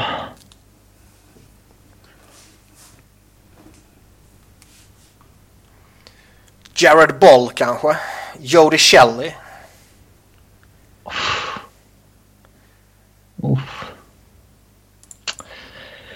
Har vi ingen som är på väg upp nu då som kanske håller på att bygga sig lite status? Jo då, Ryan Johansson. Vi tradar bort alla. Nikolaj Tjärdev. Vilken fruktansvärt osexig organisation. Espen Knutsen. Espen Knutsen. Ja, där går vi. Ja, Schampo. säger Espen. Ja. Huselius Ja. var ju stora också. Vad kom vi... ja, vad kom vi fram till nu? Nash, Viborni och eh, Espen. Okej. Ja, sen har vi New Jersey Devils. Björn Niedermeyer. Och Stevens. Elias är ju faktiskt... Elias är jättestor men han kommer väl inte i närheten av någon av de tre va? Han leder... Han har gjort överlägset flest poäng i... Ja, men, det 100 år det, också.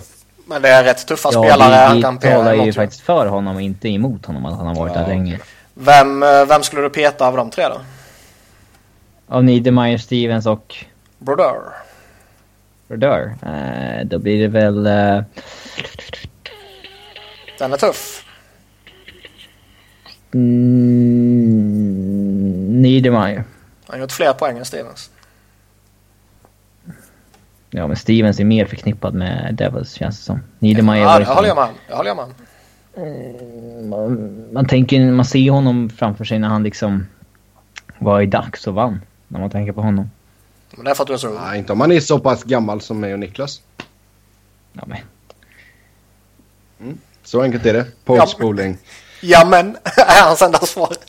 Ja, vi går vidare. Vi kör den trean som jag och Niklas kom fram med där. Carolina Hurricanes. Där hittar vi Ron Francis, Rob Brandamore och... Semin typ eller någon. Det blir... Nej, Eric Stahl. Ja, man får nog dunka in Stahl här känns det som. Glenn Weasley kanske, men han gjorde ju inga så direkta superframträdanden. Det är väl... Eh... Kan Ward ja. kanske man måste ge en hedersomnämnande, men jag tycker väl inte han ska få det. Ja, men Stahl, Francis och vem mer? Brenda Moore. Mm. Ah, okej okay då. Det enda jag hade kunnat godta det är Artus Irbe. Han är med en kultspelare. Ja, ja, ja, det är klart. Det är klart. Sen har vi Philadelphia Flyers. Mm. Uh, där har vi en viss pöjk som heter Eric Lindros. Ja, det vet fan. Ska han vara topp tre flyer historia? Det är verkligen väldigt tveksam till. Det finns ju två Oj. som är tokgivna. Det är ju Bernie Parant som är eh, liksom målvakten som är den stora. Sen är det Bobby Clark som är Mr Flyers. Mm. Sen tycker mm. väl jag att Bill Barber ska in. Ja. ja. Den största målskytten, tvåa i tidernas poängliga, tvåa i antal spelade matcher. Och jag skulle nog sätta in några andra spelare innan jag sätter in Lindros. Oh. Alltså hur förhåller man sig till alla som har varit en vända i Pittsburgh? Eh, det beror på vem du menar.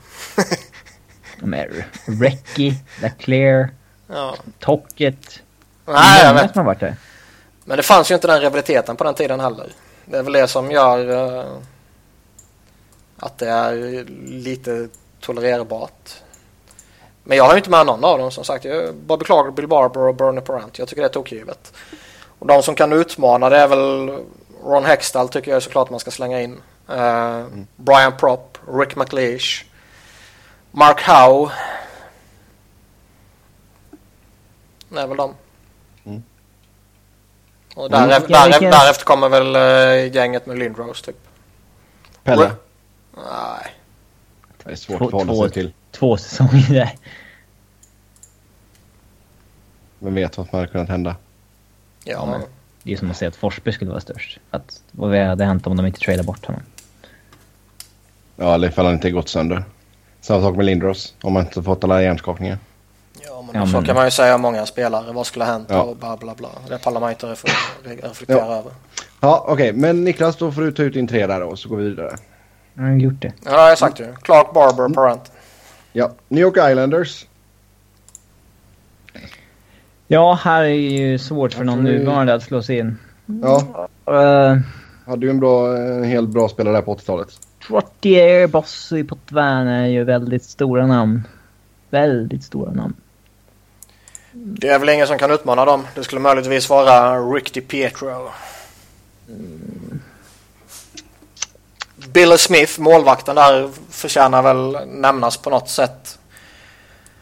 Eh, Clark Gillis förtjänar väl att nämnas. LaFontaine kanske man ska nämna bara för att få tyst på Sebbe. Mm, bra. Mm. Visste inte han spelade Islander. Bobby Nyström då? Ja, men ah, ja, jag vet fan om man kan utmana. Ja. Men alltså de tre som Robin sa, de är ju så givna det bara kan bli. Kenny Jönsson. ja. Vidare går vi. New York Rangers. Eh, Daniel Rordy, Tanner Glass och eh, Mark Stahl. Mm. Uh, Mark Messier. Hur länge var han där egentligen? Han var där rätt länge ändå. Ja. Vilket lag kör vi? Ragdolls. Jo, han var där fan rätt... Nej, han ja. var inte där supermånga år ändå. Nej. Tio bara? En, två, tre, fyra, fem, sex, sju, åtta, nio, tio. Ja, de fyra sista också. Mm, det räcker. Det är de man uh, glömmer bort lite. Men... Uh, Leach är given i alla fall. Brian. Ja, ja, visst. Brian Leach. Och sen... Uh, Rod Gilbert. Han har ändå ut flest poäng för dem.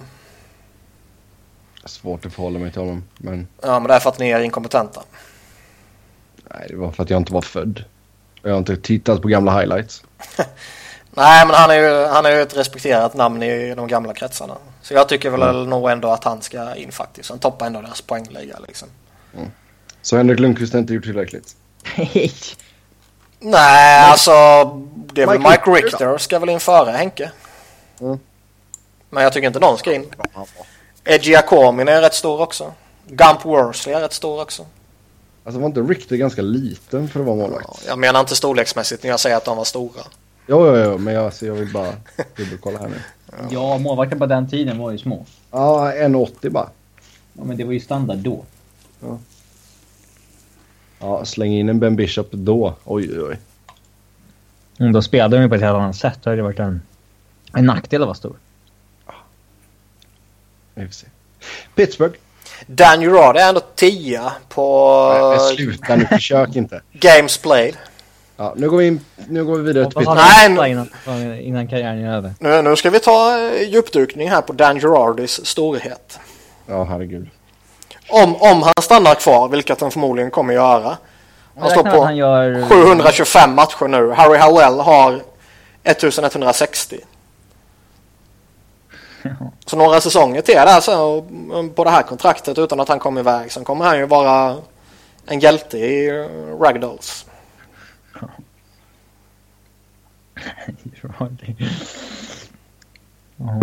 Ja, som sagt. Pittsburgh Penguins. Mario Lemieux, Jaromir Jagr och Sidney Crosby. Ja, det är faktiskt inte mycket öppet för diskussion där. Jag håller ju såklart med om eh, Crosby. Men hur nära är Malkin att utmana?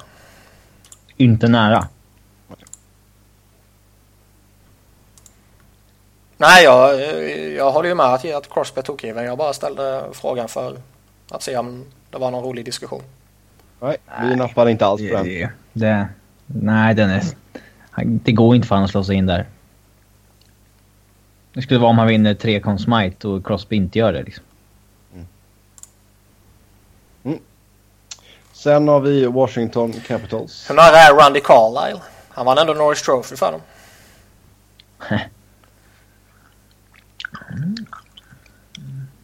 Vidare går vi. Washington Capitals. Caps. Brooks Orpik. Alexander Ovechkin. Alex the Great. Mm. Eh, Peter Bondra. Ja. Kalle Johansson. Fan det är så smutsigt. Han har gjort flest, flest matcher. Olaf Kölsig måste ju in ju. Kölsig är stor. Mike Gartner är ju stor. Ja. Men Bondra och Ovechkin är etta, tvåa. Sen är det öppet. Sen är det väl mellan Gartner, eh, Kölsig och man måste ju säga Kalle Johansson. Gustafsson. Nej för fan. Båg. så kul att säga initialsmeknamnen i liksom talform. Så man säger båg. Mycket roligt. Men ska vi, vad ska vi dra till med? Vi slänger in Kölzig. Det är lite irrbö över honom. Mer kult än Ja. skulle vara. Exakt. Men det, det är okej. Gartner lutar jag nog mot. Då. Ja. Det är coolt med spelare som har fler mål än assist. Som har gjort många matcher, alltså inte gjort. Ja, och det är hygglig jävla skillnad. 789, nej förlåt det var poängen jag tittade på, vad dum jag är. 397 mål, 392 assist. Ja. Då hoppar vi över till Western Conference och börjar i Central Division. Winnipeg Jets. Eh, hur ska vi förhålla oss till det här nu? Ja, jag vet inte. Det är ju eh, Atlanta. Är det Ja. Atlanta? Ja. ja. Okej. Gamla Winnipeg är ju Arizona. Ja, jo. Okej då. Då har vi alltså Kowalczuk. Given etta. Toby Enström. Ja, typ. Mm. Slava Koslov. Ja. Ja, Koslov får med. Bufflin är ju rätt stor. Säger det bara för att han är stor. Blake Wheeler är relativt stor. Uh, Evander Kane. Uh, Bobby Hull. Du får inte kolla Men- den Atlanta. Nu är det ju fel. Ah, jag är tillbaka på fel nu. Ja, Ja. sorry. Bobby Hull, Trashers. Han han göra en säsong innan de vann? Nej, men Kowalczyk, Koslov och... Fan vilket tråkigt lag det här var. Big Buff eller? ja, Bara för att han är cool. Columbus. Men... ja, det är bara att gå vidare nu. Colorado har vi sen då. Oj. Uh, Sakic är given etta. Sakic, Forsberg, Ra. Ra. Men... Uh, Ja, Roy större än fot. Ja, Får alltså, inte som har glömma Quebec-tiden också. Den, den som har gjort flest matcher och mm, inte, eller näst flest mål. 16 mål efter Sakic är ju Milan Hejduk. Mm. Men störst, alltså störst statusmässigt är ju Foppa Sakic Ra. Jo, jo. Så är det ju. Men, men som sagt, om man, om man blandar in en Stasny från Quebec-tiden. Jaha, nej, det är svårt att jämföra. Alltså det är, det är svårt när de inte har gjort en enda match i... Många, många matcher, många mål, många assist, många poäng. Ja, men det- man ser ju inte Quebec och Colorado som samma sak. Nej, men nu gör vi det. Ja, men det är svårt att jämföra storheten. Hur, hur stor är Stasny i en stad där det inte längre finns ett NHL-lag och inte har funnits i 20 år? Liksom. Oklart. Men det är, Men- Klart, det är klart att det blir säkert Foppa Ra här. Ja, det håller jag med om. Men ska man ta alternativ så är det väl Foto. Stasny och Hejduk i allra högsta grad aktuella. Vad var det han, eh, tysken hette? Ove Krupp. Ja, Ove Krupp, tack. Jag Ja, han är in lite sådana här kultkillar istället. Han gjorde typ två säsonger eller någonting. Ja, eh, Minnesota Wild då. ja.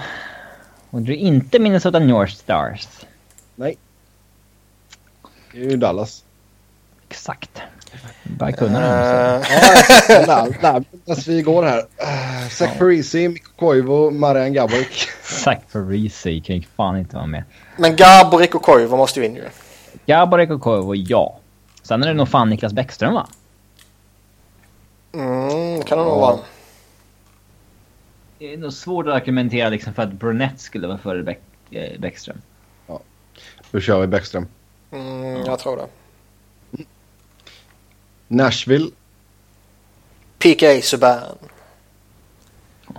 Då Fan, det är inte helt omöjligt att han är bland de största redan. Liksom. Nej, Eh, men eh, Shea Weber ska in såklart ju. Ja. ja. Det är hur mycket man eventuellt skulle hata honom som Robin Hata gör honom. så ska han in. Ate! Pekarinne måste ju förmodligen in också. Ja. Sen blir Det- det Kimmo. Det är Och svårt sen, att slänga in eh, typ Timonen. men det kän- Han känns ju betydligt mer flyers än Nashville liksom. Ja, men det är ju bara för att han var bäst i Flyers och för att du är ung. Nej.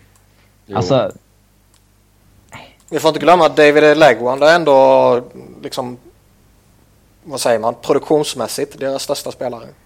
Jo, ja, han har flest Nej, assist, flest gjorde poäng. nästan, nästan tusen matcher. Han har flest mål, flest poäng, flest assist och flest matcher. Så Ja. att ja, han är med. Mm. Så då blev det Legwand. Rinne. Webber och Rinne. Det är väl en helt okej trea det med.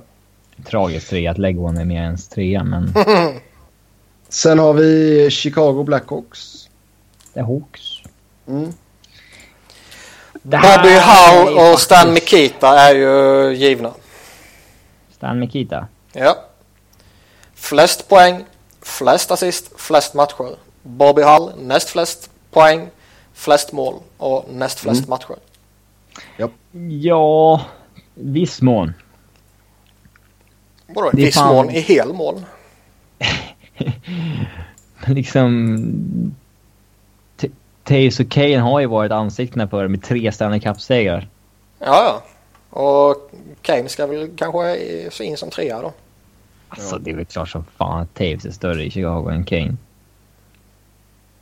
Ja, ja. Kanske för de blinda Chicago-supportrarna.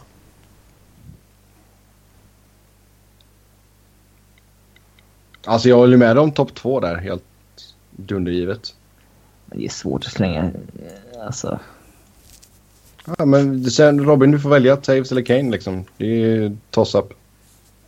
Vem jag tror är störst i, i Chicago, det tror jag är Taves. Jag, jag, jag skulle nog säga att i, idag så är nog Taves eh, faktiskt störst. Det håller jag nog med om. Jag tror inte det kommer vara så om fem år. Nej. Mm. För Kane kommer fortsätta vara en point per game-spelare och Taves kommer inte vara det. Ja. Ja. Jag, jag tror Men- absolut inte så här Amonte eller någon i där utmanar. Nej. Dennis Savard. Nej men det, kan inte bara slänga in folk som gjorde mycket poäng på 70 80-talet och bara nej, de är störst. Ja. Nu ska du inte hata eh, oss gamla. Nej. Ja, så Mikita, Hull och Taves då blev det i Chicago. Fy fan vad Eh, smutsigt. St. Louis. The Blues. Ja, Gretzky är ju given. Nej men Brett Hull är ju såklart eh, där och Bernie Fedorko är ju såklart där. Och sen, Det är svårt Ja, att eh, liksom... Pronger och McKinnis var jävligt stora där under en period men liksom hur, det var inte så här uh, jätte, jättelång period. Nej. hur länge var McKinnis där? 600 matcher. Keith Chachak är ju rätt stor också men Två, tre. Ja men sådär nio säsonger. Pavel Demitra. Jag, jag vill säga McInnes.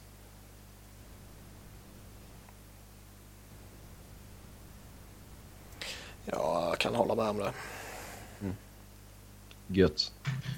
Då blir det det. Går vi vidare. Ja det gör vi. Dallas. Kelly Chase kanske? Det är lite kult. Dallas. Vadå nej? Men jag säger nej och så går vi vidare till Dallas. Mike Modano. Darian Hatcher.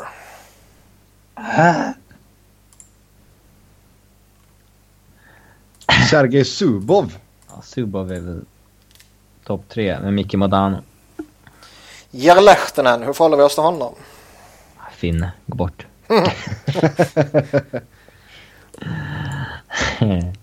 ja, Eh. Subov, Subov och Modano är ju givna. Marty Turco måste väl in där också.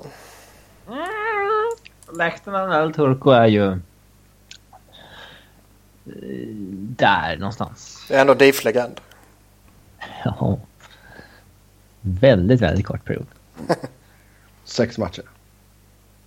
Eh, ja, Marty Turco. Hur många säsonger stod han där? Eh, ja du ska vi se. En, två, tre. Nio. Ja, inte så många ändå. Nio säsonger, det är ganska långt. Inte så Eh, många. ja, men sluta nu. Pacific Division. Vi börjar i Edmonton. Uh, Gretzky, Messier. Gretzky, Messier, Curry. Måste ha... Paul Coffey lockas man ju av. Men han Mm, det är ju Curry som där. kan bytas ut. Han är ju det enkla svaret.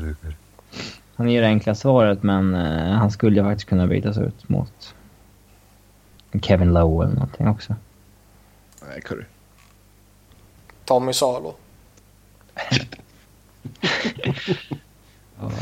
Ja. Gretzky, Curry, Messier. Fasen, det är en fin trea. Vancouver.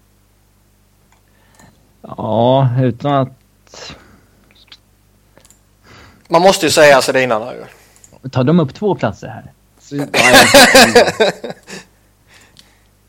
Nej, men på riktigt, gör de det? De får en plats. Sedinarna, Näslund, Trevor Linden.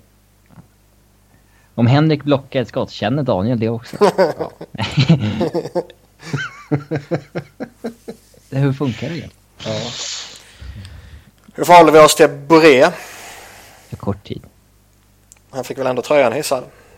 Nu är det trams och så vidare, det vet ni att jag tycker, men eh, ändå. Jag håller ju Näslund högre än Buré i Vancouver. Ja, de, han rår inte på dem. Han har Och varit i Columbus och visst. Trevor Linden känns ju given. Mm. Japp. Så Sedinarna, Näslund, Linden. Ja. Mm. Calgary. Håkan Loob. Iginla är ju tämligen tokgiven. Ja. Al McInnes måste man ju slänga in här också. Mm. Kan det vara Theo Fleury eller Joe Newendike som är nästa? Kipper kanske. Ah, Newendike går ju lite bort för att han var ju ändå den... Han försvann ju när Iginla kom dit och han känns ju mer förknippad med Dallas eftersom han gick och vann där. Kenta då? För få matcher. Ja, han är ju inte så stor. Liksom. Ändå Sexa deras poängliga. Ja, men... Ja. Bäst, bäst uh, point per game i deras topp 10. Lanny Mm, McDonald är ju lite sådär uh, Flames förknippat. Gary Roberts.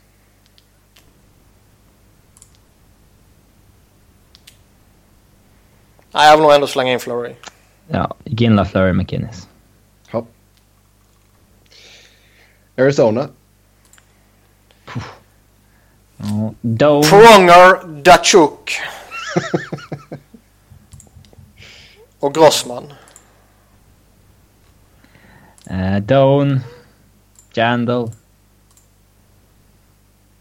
Dale Howardchuk. Thomas Sten. Keith Tachuk. Teppo Numminen. Det är Ronik eller Numminen gjorde ju ändå väldigt många säsonger i Phoenix. Ja, ungefär lika mycket som dem. Jag har inte lyssnat så noga på dig. Vad har du sagt? Kachuk och Ronik. Tachuk och Ronik. Och Don. Ja, Doan och Jandal är givna. Om vi ska prata verkligen Arizona. Nej, Jandel är inte given. Klart som fan han är. Nej, nej, nej. Skojar du eller? Nej. Jo. Absolut inte. Jo. Eh, nej. Jag, ska vi ringa till lite fans i Arizona eller? De är bara bittra för att han gick till Rangers. Nej, nej, nej. Herregud. Shane Doan är alltså eh, självskriven. Kachuk självskriven. Skulle, skulle, varför skulle Kachuk ha högre status än Jandal? Ja, det har han. Varför?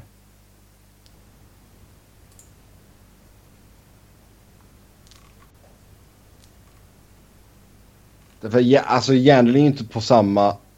Alltså du får tänka på att de har ju förkärlek till vissa spelare som kom med från Jets. Vi pratar ändå vilka som är störst i Arizona här, inte... Jo, Annars men men fan alltså- typ Sellen är med liksom. Nej men alltså jag menar... Men han kom ju med, han spelade ju från när efterlaget flyttade. Mm. Kachuk går före Jandel alla dagar i veckan. Nej. Jo, kanske inte på söndag, men alla andra sex dagar. Nej. Jo. Nej, där är du fel. Nej, du har fel så det skriker om det. Nej. Jo! Jag tar ju Teppo före jag tar eh, Keith Yandel. Med vilket resonemang? Fattar... Vad, vad är argumentet för Yandel liksom? För att han har gjort alla matcher i Phoenix och Arizona. Han är ju liksom...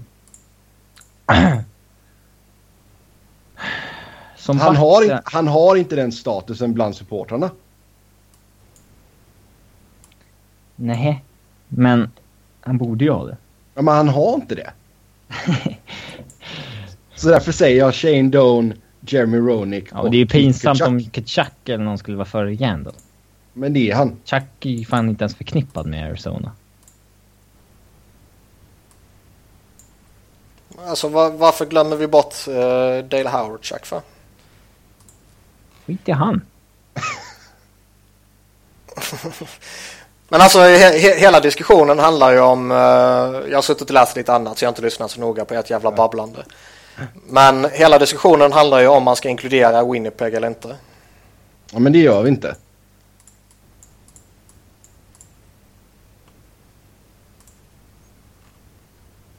Gör vi det inte så tycker jag väl att eh, Dale Howard-Chuck ska bort såklart. Ja. Gör vi det, vilket jag inte ser varför vi inte ska göra när vi har gjort det tidigare. Man måste ha gjort någonting i Phoenix. Mm. För det är ju så mm. pass jävla länge sedan de flyttade. Ja, jag vet inte. Jag tycker det är organisation som organisation. Men visst, vi, vi kan stryka Winnipeg helt och hållet. Ja. Och då har ju Tachak gjort en, två, tre, fyra och en halv säsong i Phoenix. Mm. Och satt större avtryck än vad Jandel har gjort. Det vet fan, alltså Jandel har ju ändå, han är en av de bäst producerande här mot slutet. Han har ju varit en av de största de har haft. Jag lovar dig, ta en jävla quiz bland fansen och de kommer säga Kachuk Finns inga fans! nej, det är jävligt sant. Men nej, men alltså visst, Tachak är ju stor såklart. Men eh, är det bara fyra och en halv säsong eller något sånt där så är det ju tajt. Ja men annars får vi ta med Thomas Sten. Nej. Bobby Hall. Då har jag precis sagt att vi inte ska ha med Winnipeg. Nej, men jag säger om vi ska ha med Winnipeg. Då är inte ens Jandel med på en topp 10. Jo.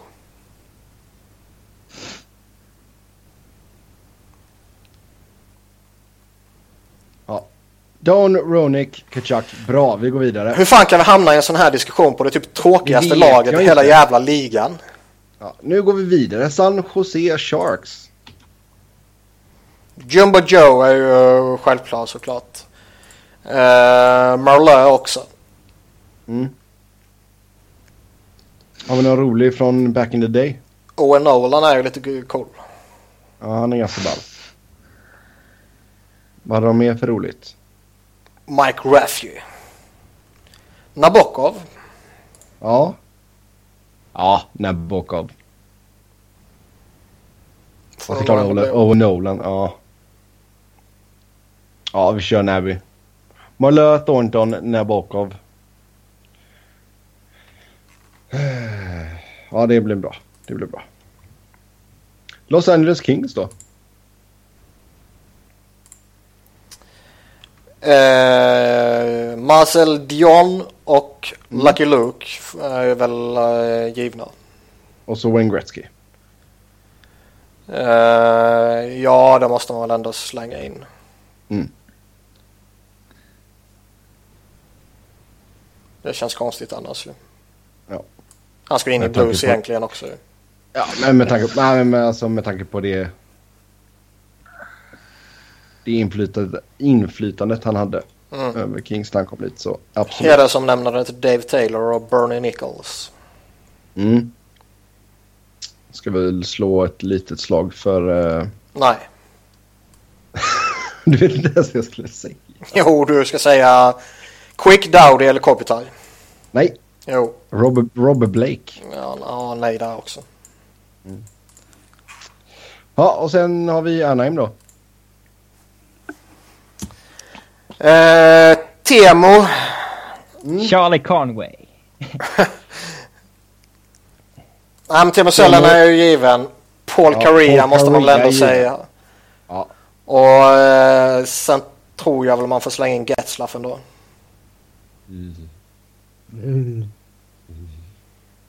Okej. Alltså det, det är typ en Niedermeyer som kanske kan utmana. Pronger kanske kan utmana. Men liksom Getzlaff har ju ändå varit Anaheim i tio år nu. Sen så han hade hår. Vad Det sa känns du? mycket Ja. längre eftersom han har tappat håret när han var där. Ja, exakt. Faktiskt. Giguère i och för sig. Jävlar vad han var stor. Sebastien. Det är han som är liksom creddad. mm, Liksom, det är han som har credden till att de vann. Så Mm. att säga. Han vann ju dessutom Conn Smythe året innan trots att de torskade. Mm. Om det var exakt året innan, jag vet inte. Men ja. Ja, Men helvete, med Getzlaff och in med Giguère istället. Okej. John Sebastian Giguere. Det var det vi gick igenom allihopa. Eh, vi har fått en fråga i chatten också som vi slänger in i fem minuter om. Ja. Ska vi se, vad säger ni om Sveriges kedjor som de körde idag på träningen? Ja, då var det alltså Sedin, Sedin, Louis. Högst väntat. Rätt tråkigt tycker jag också. Men alltså... Ja, de har ju fått för sig att det är en jävla superkombination så... Ja, visst. Mm. Uh, Hagelin, Kryger, Rakell. Känns det som en tydlig fjärdekedja i så fall. Känns väl som att man slänger ihop det som finns kvar. Det som är längst ner i depth-charten i, eh, på varje position bara. Uh, Forsberg, Bäckström, Hörnqvist. Den känns rolig. Den känns som en riktigt stark. Det är ju den som måste eh, göra allt. I första kedjan. Ja. Den ska leverera. Och sen har du Silverberg, Söderberg, Landeskog. Ja, det känns ju som en väldigt stark tvåvägskedja. Uh, så att... Uh, mm. Sen har vi backar. Oliver Ekman Larsson med i- Niklas Hjalmarsson. Och sen Strålman Hedman såklart. Och sen... Eh, Tre backar i andra laget så att det Ja. är svårt att tolka backparen. Men det kommer väl bli Ekholm eller Lindholm som sitter. Och jag antar Ja. att Erik Karlsson spelar med den andra av dem två. Mm. Det är nog jag korrekt uppfattat. Jag skulle väl sätta Ekholm. För eh, Lindholm skulle kunna spela med Karlsson utan att hålla tillbaka honom whatsoever. Och skulle inte ha några problem att axla de minuterna heller. Mm. Och Backlund ska ju klart inte in någonstans. Nej, han är 13 forward. Helt enkelt. Man kan argumentera för att han är bättre än Kryger, men eh, Ja, Mm, Kryger suger ju. det är ingen strid vi tar. Det är ingen strid du tar. Det är faktiskt rätt konstigt att Kryger är med tanke på vilken säsong han hade. Snacka om att han är extremt uppskattad. Ja. Mm. Men sen är det, sen är det väl, de, de pratade ju jättemycket det här om att vi måste ha olika roller och vi måste ha, eh, vad sa de, olika soldater för att gå ut i krig eller liknande skit sa de. uh, nej men de vill ha olika spelartyper för, för de olika rollerna man har i ett hockeylag liksom. Och då är ju Kryger tokgiven om man tänker att man måste ha en fjärde center som kan göra det här och det här. Som har varit i, i den exakta rollen i NHL, ja. Ja. Det har inte Backlund, det har inte någon annan. Nej, och det är därför de börjar mumla om att... Eh, och vad heter han i Carolina? Jocke Nordström heter han va? Ja, det är Viktor Rask, tänker du kanske. nej, men de, det var ju nu, jag tror det var Garpenlöv som var ute och pratade om att eh, Jocke Nordström var en bättre fjärde eh, liner än vad Z skulle vara. Ja, konstigt sagt. Med tanke på att de håller... Alltså ja, konstigt sagt i allmänhet ja. Men med tanke på att det är just Z som är exemplet. För det känns som en så här som kille som skulle kunna säga han kan ta vilken roll som helst och ändå vara bäst. Liksom. Ja, men de är lite udda. Med det så säger vi tack och hej. Som vanligt ska ni följa oss på Twitter. Mig hittar ni på @sebnoren. Niklas hittar ni på Niklas Wiberg. Niklas med C och enkel V. Och Robin hittar ni på R underscore Fredriksson. När är första matchen? 17. 17. Första träningsmatchen är på kanske ja, om några dagar. Jag minns inte exakt. Mm. När, vi- alltså är det på natten det spelas eller? Sveriges matcher eh, spelas, gruppspelsmatcher spelas 21.00 svensk tid. Eh, övriga matcher spelas eh, på natten. En semifinal spelas typ 18 eller 19. Den andra semifinalen spelas på eh, natten och de tre finalmatcherna spelas på natten. Så de spelar 21.00 den 17. Eh, ja, eller den 18. Turneringen börjar den 17 men jag minns inte om Sverige har första eller andra dagen. Ah, Jag hoppas den andra dagen. För jag är upptagen den 17. Eh, den 18 Ryssland-Sverige 21.00. Yes! Den 17 är det Så där. Europa-USA 21.30 och Kanada-Tjeckien 02.00. Sådär ja. Och sen Finland-Nordamerika efter Ryssland-Sverige. Mm, självklart så kommer det bli mycket fokus på World Cup här innan säsongen drar igång. Vi hörs snart igen. Tills dess, ha det gött. Hej då.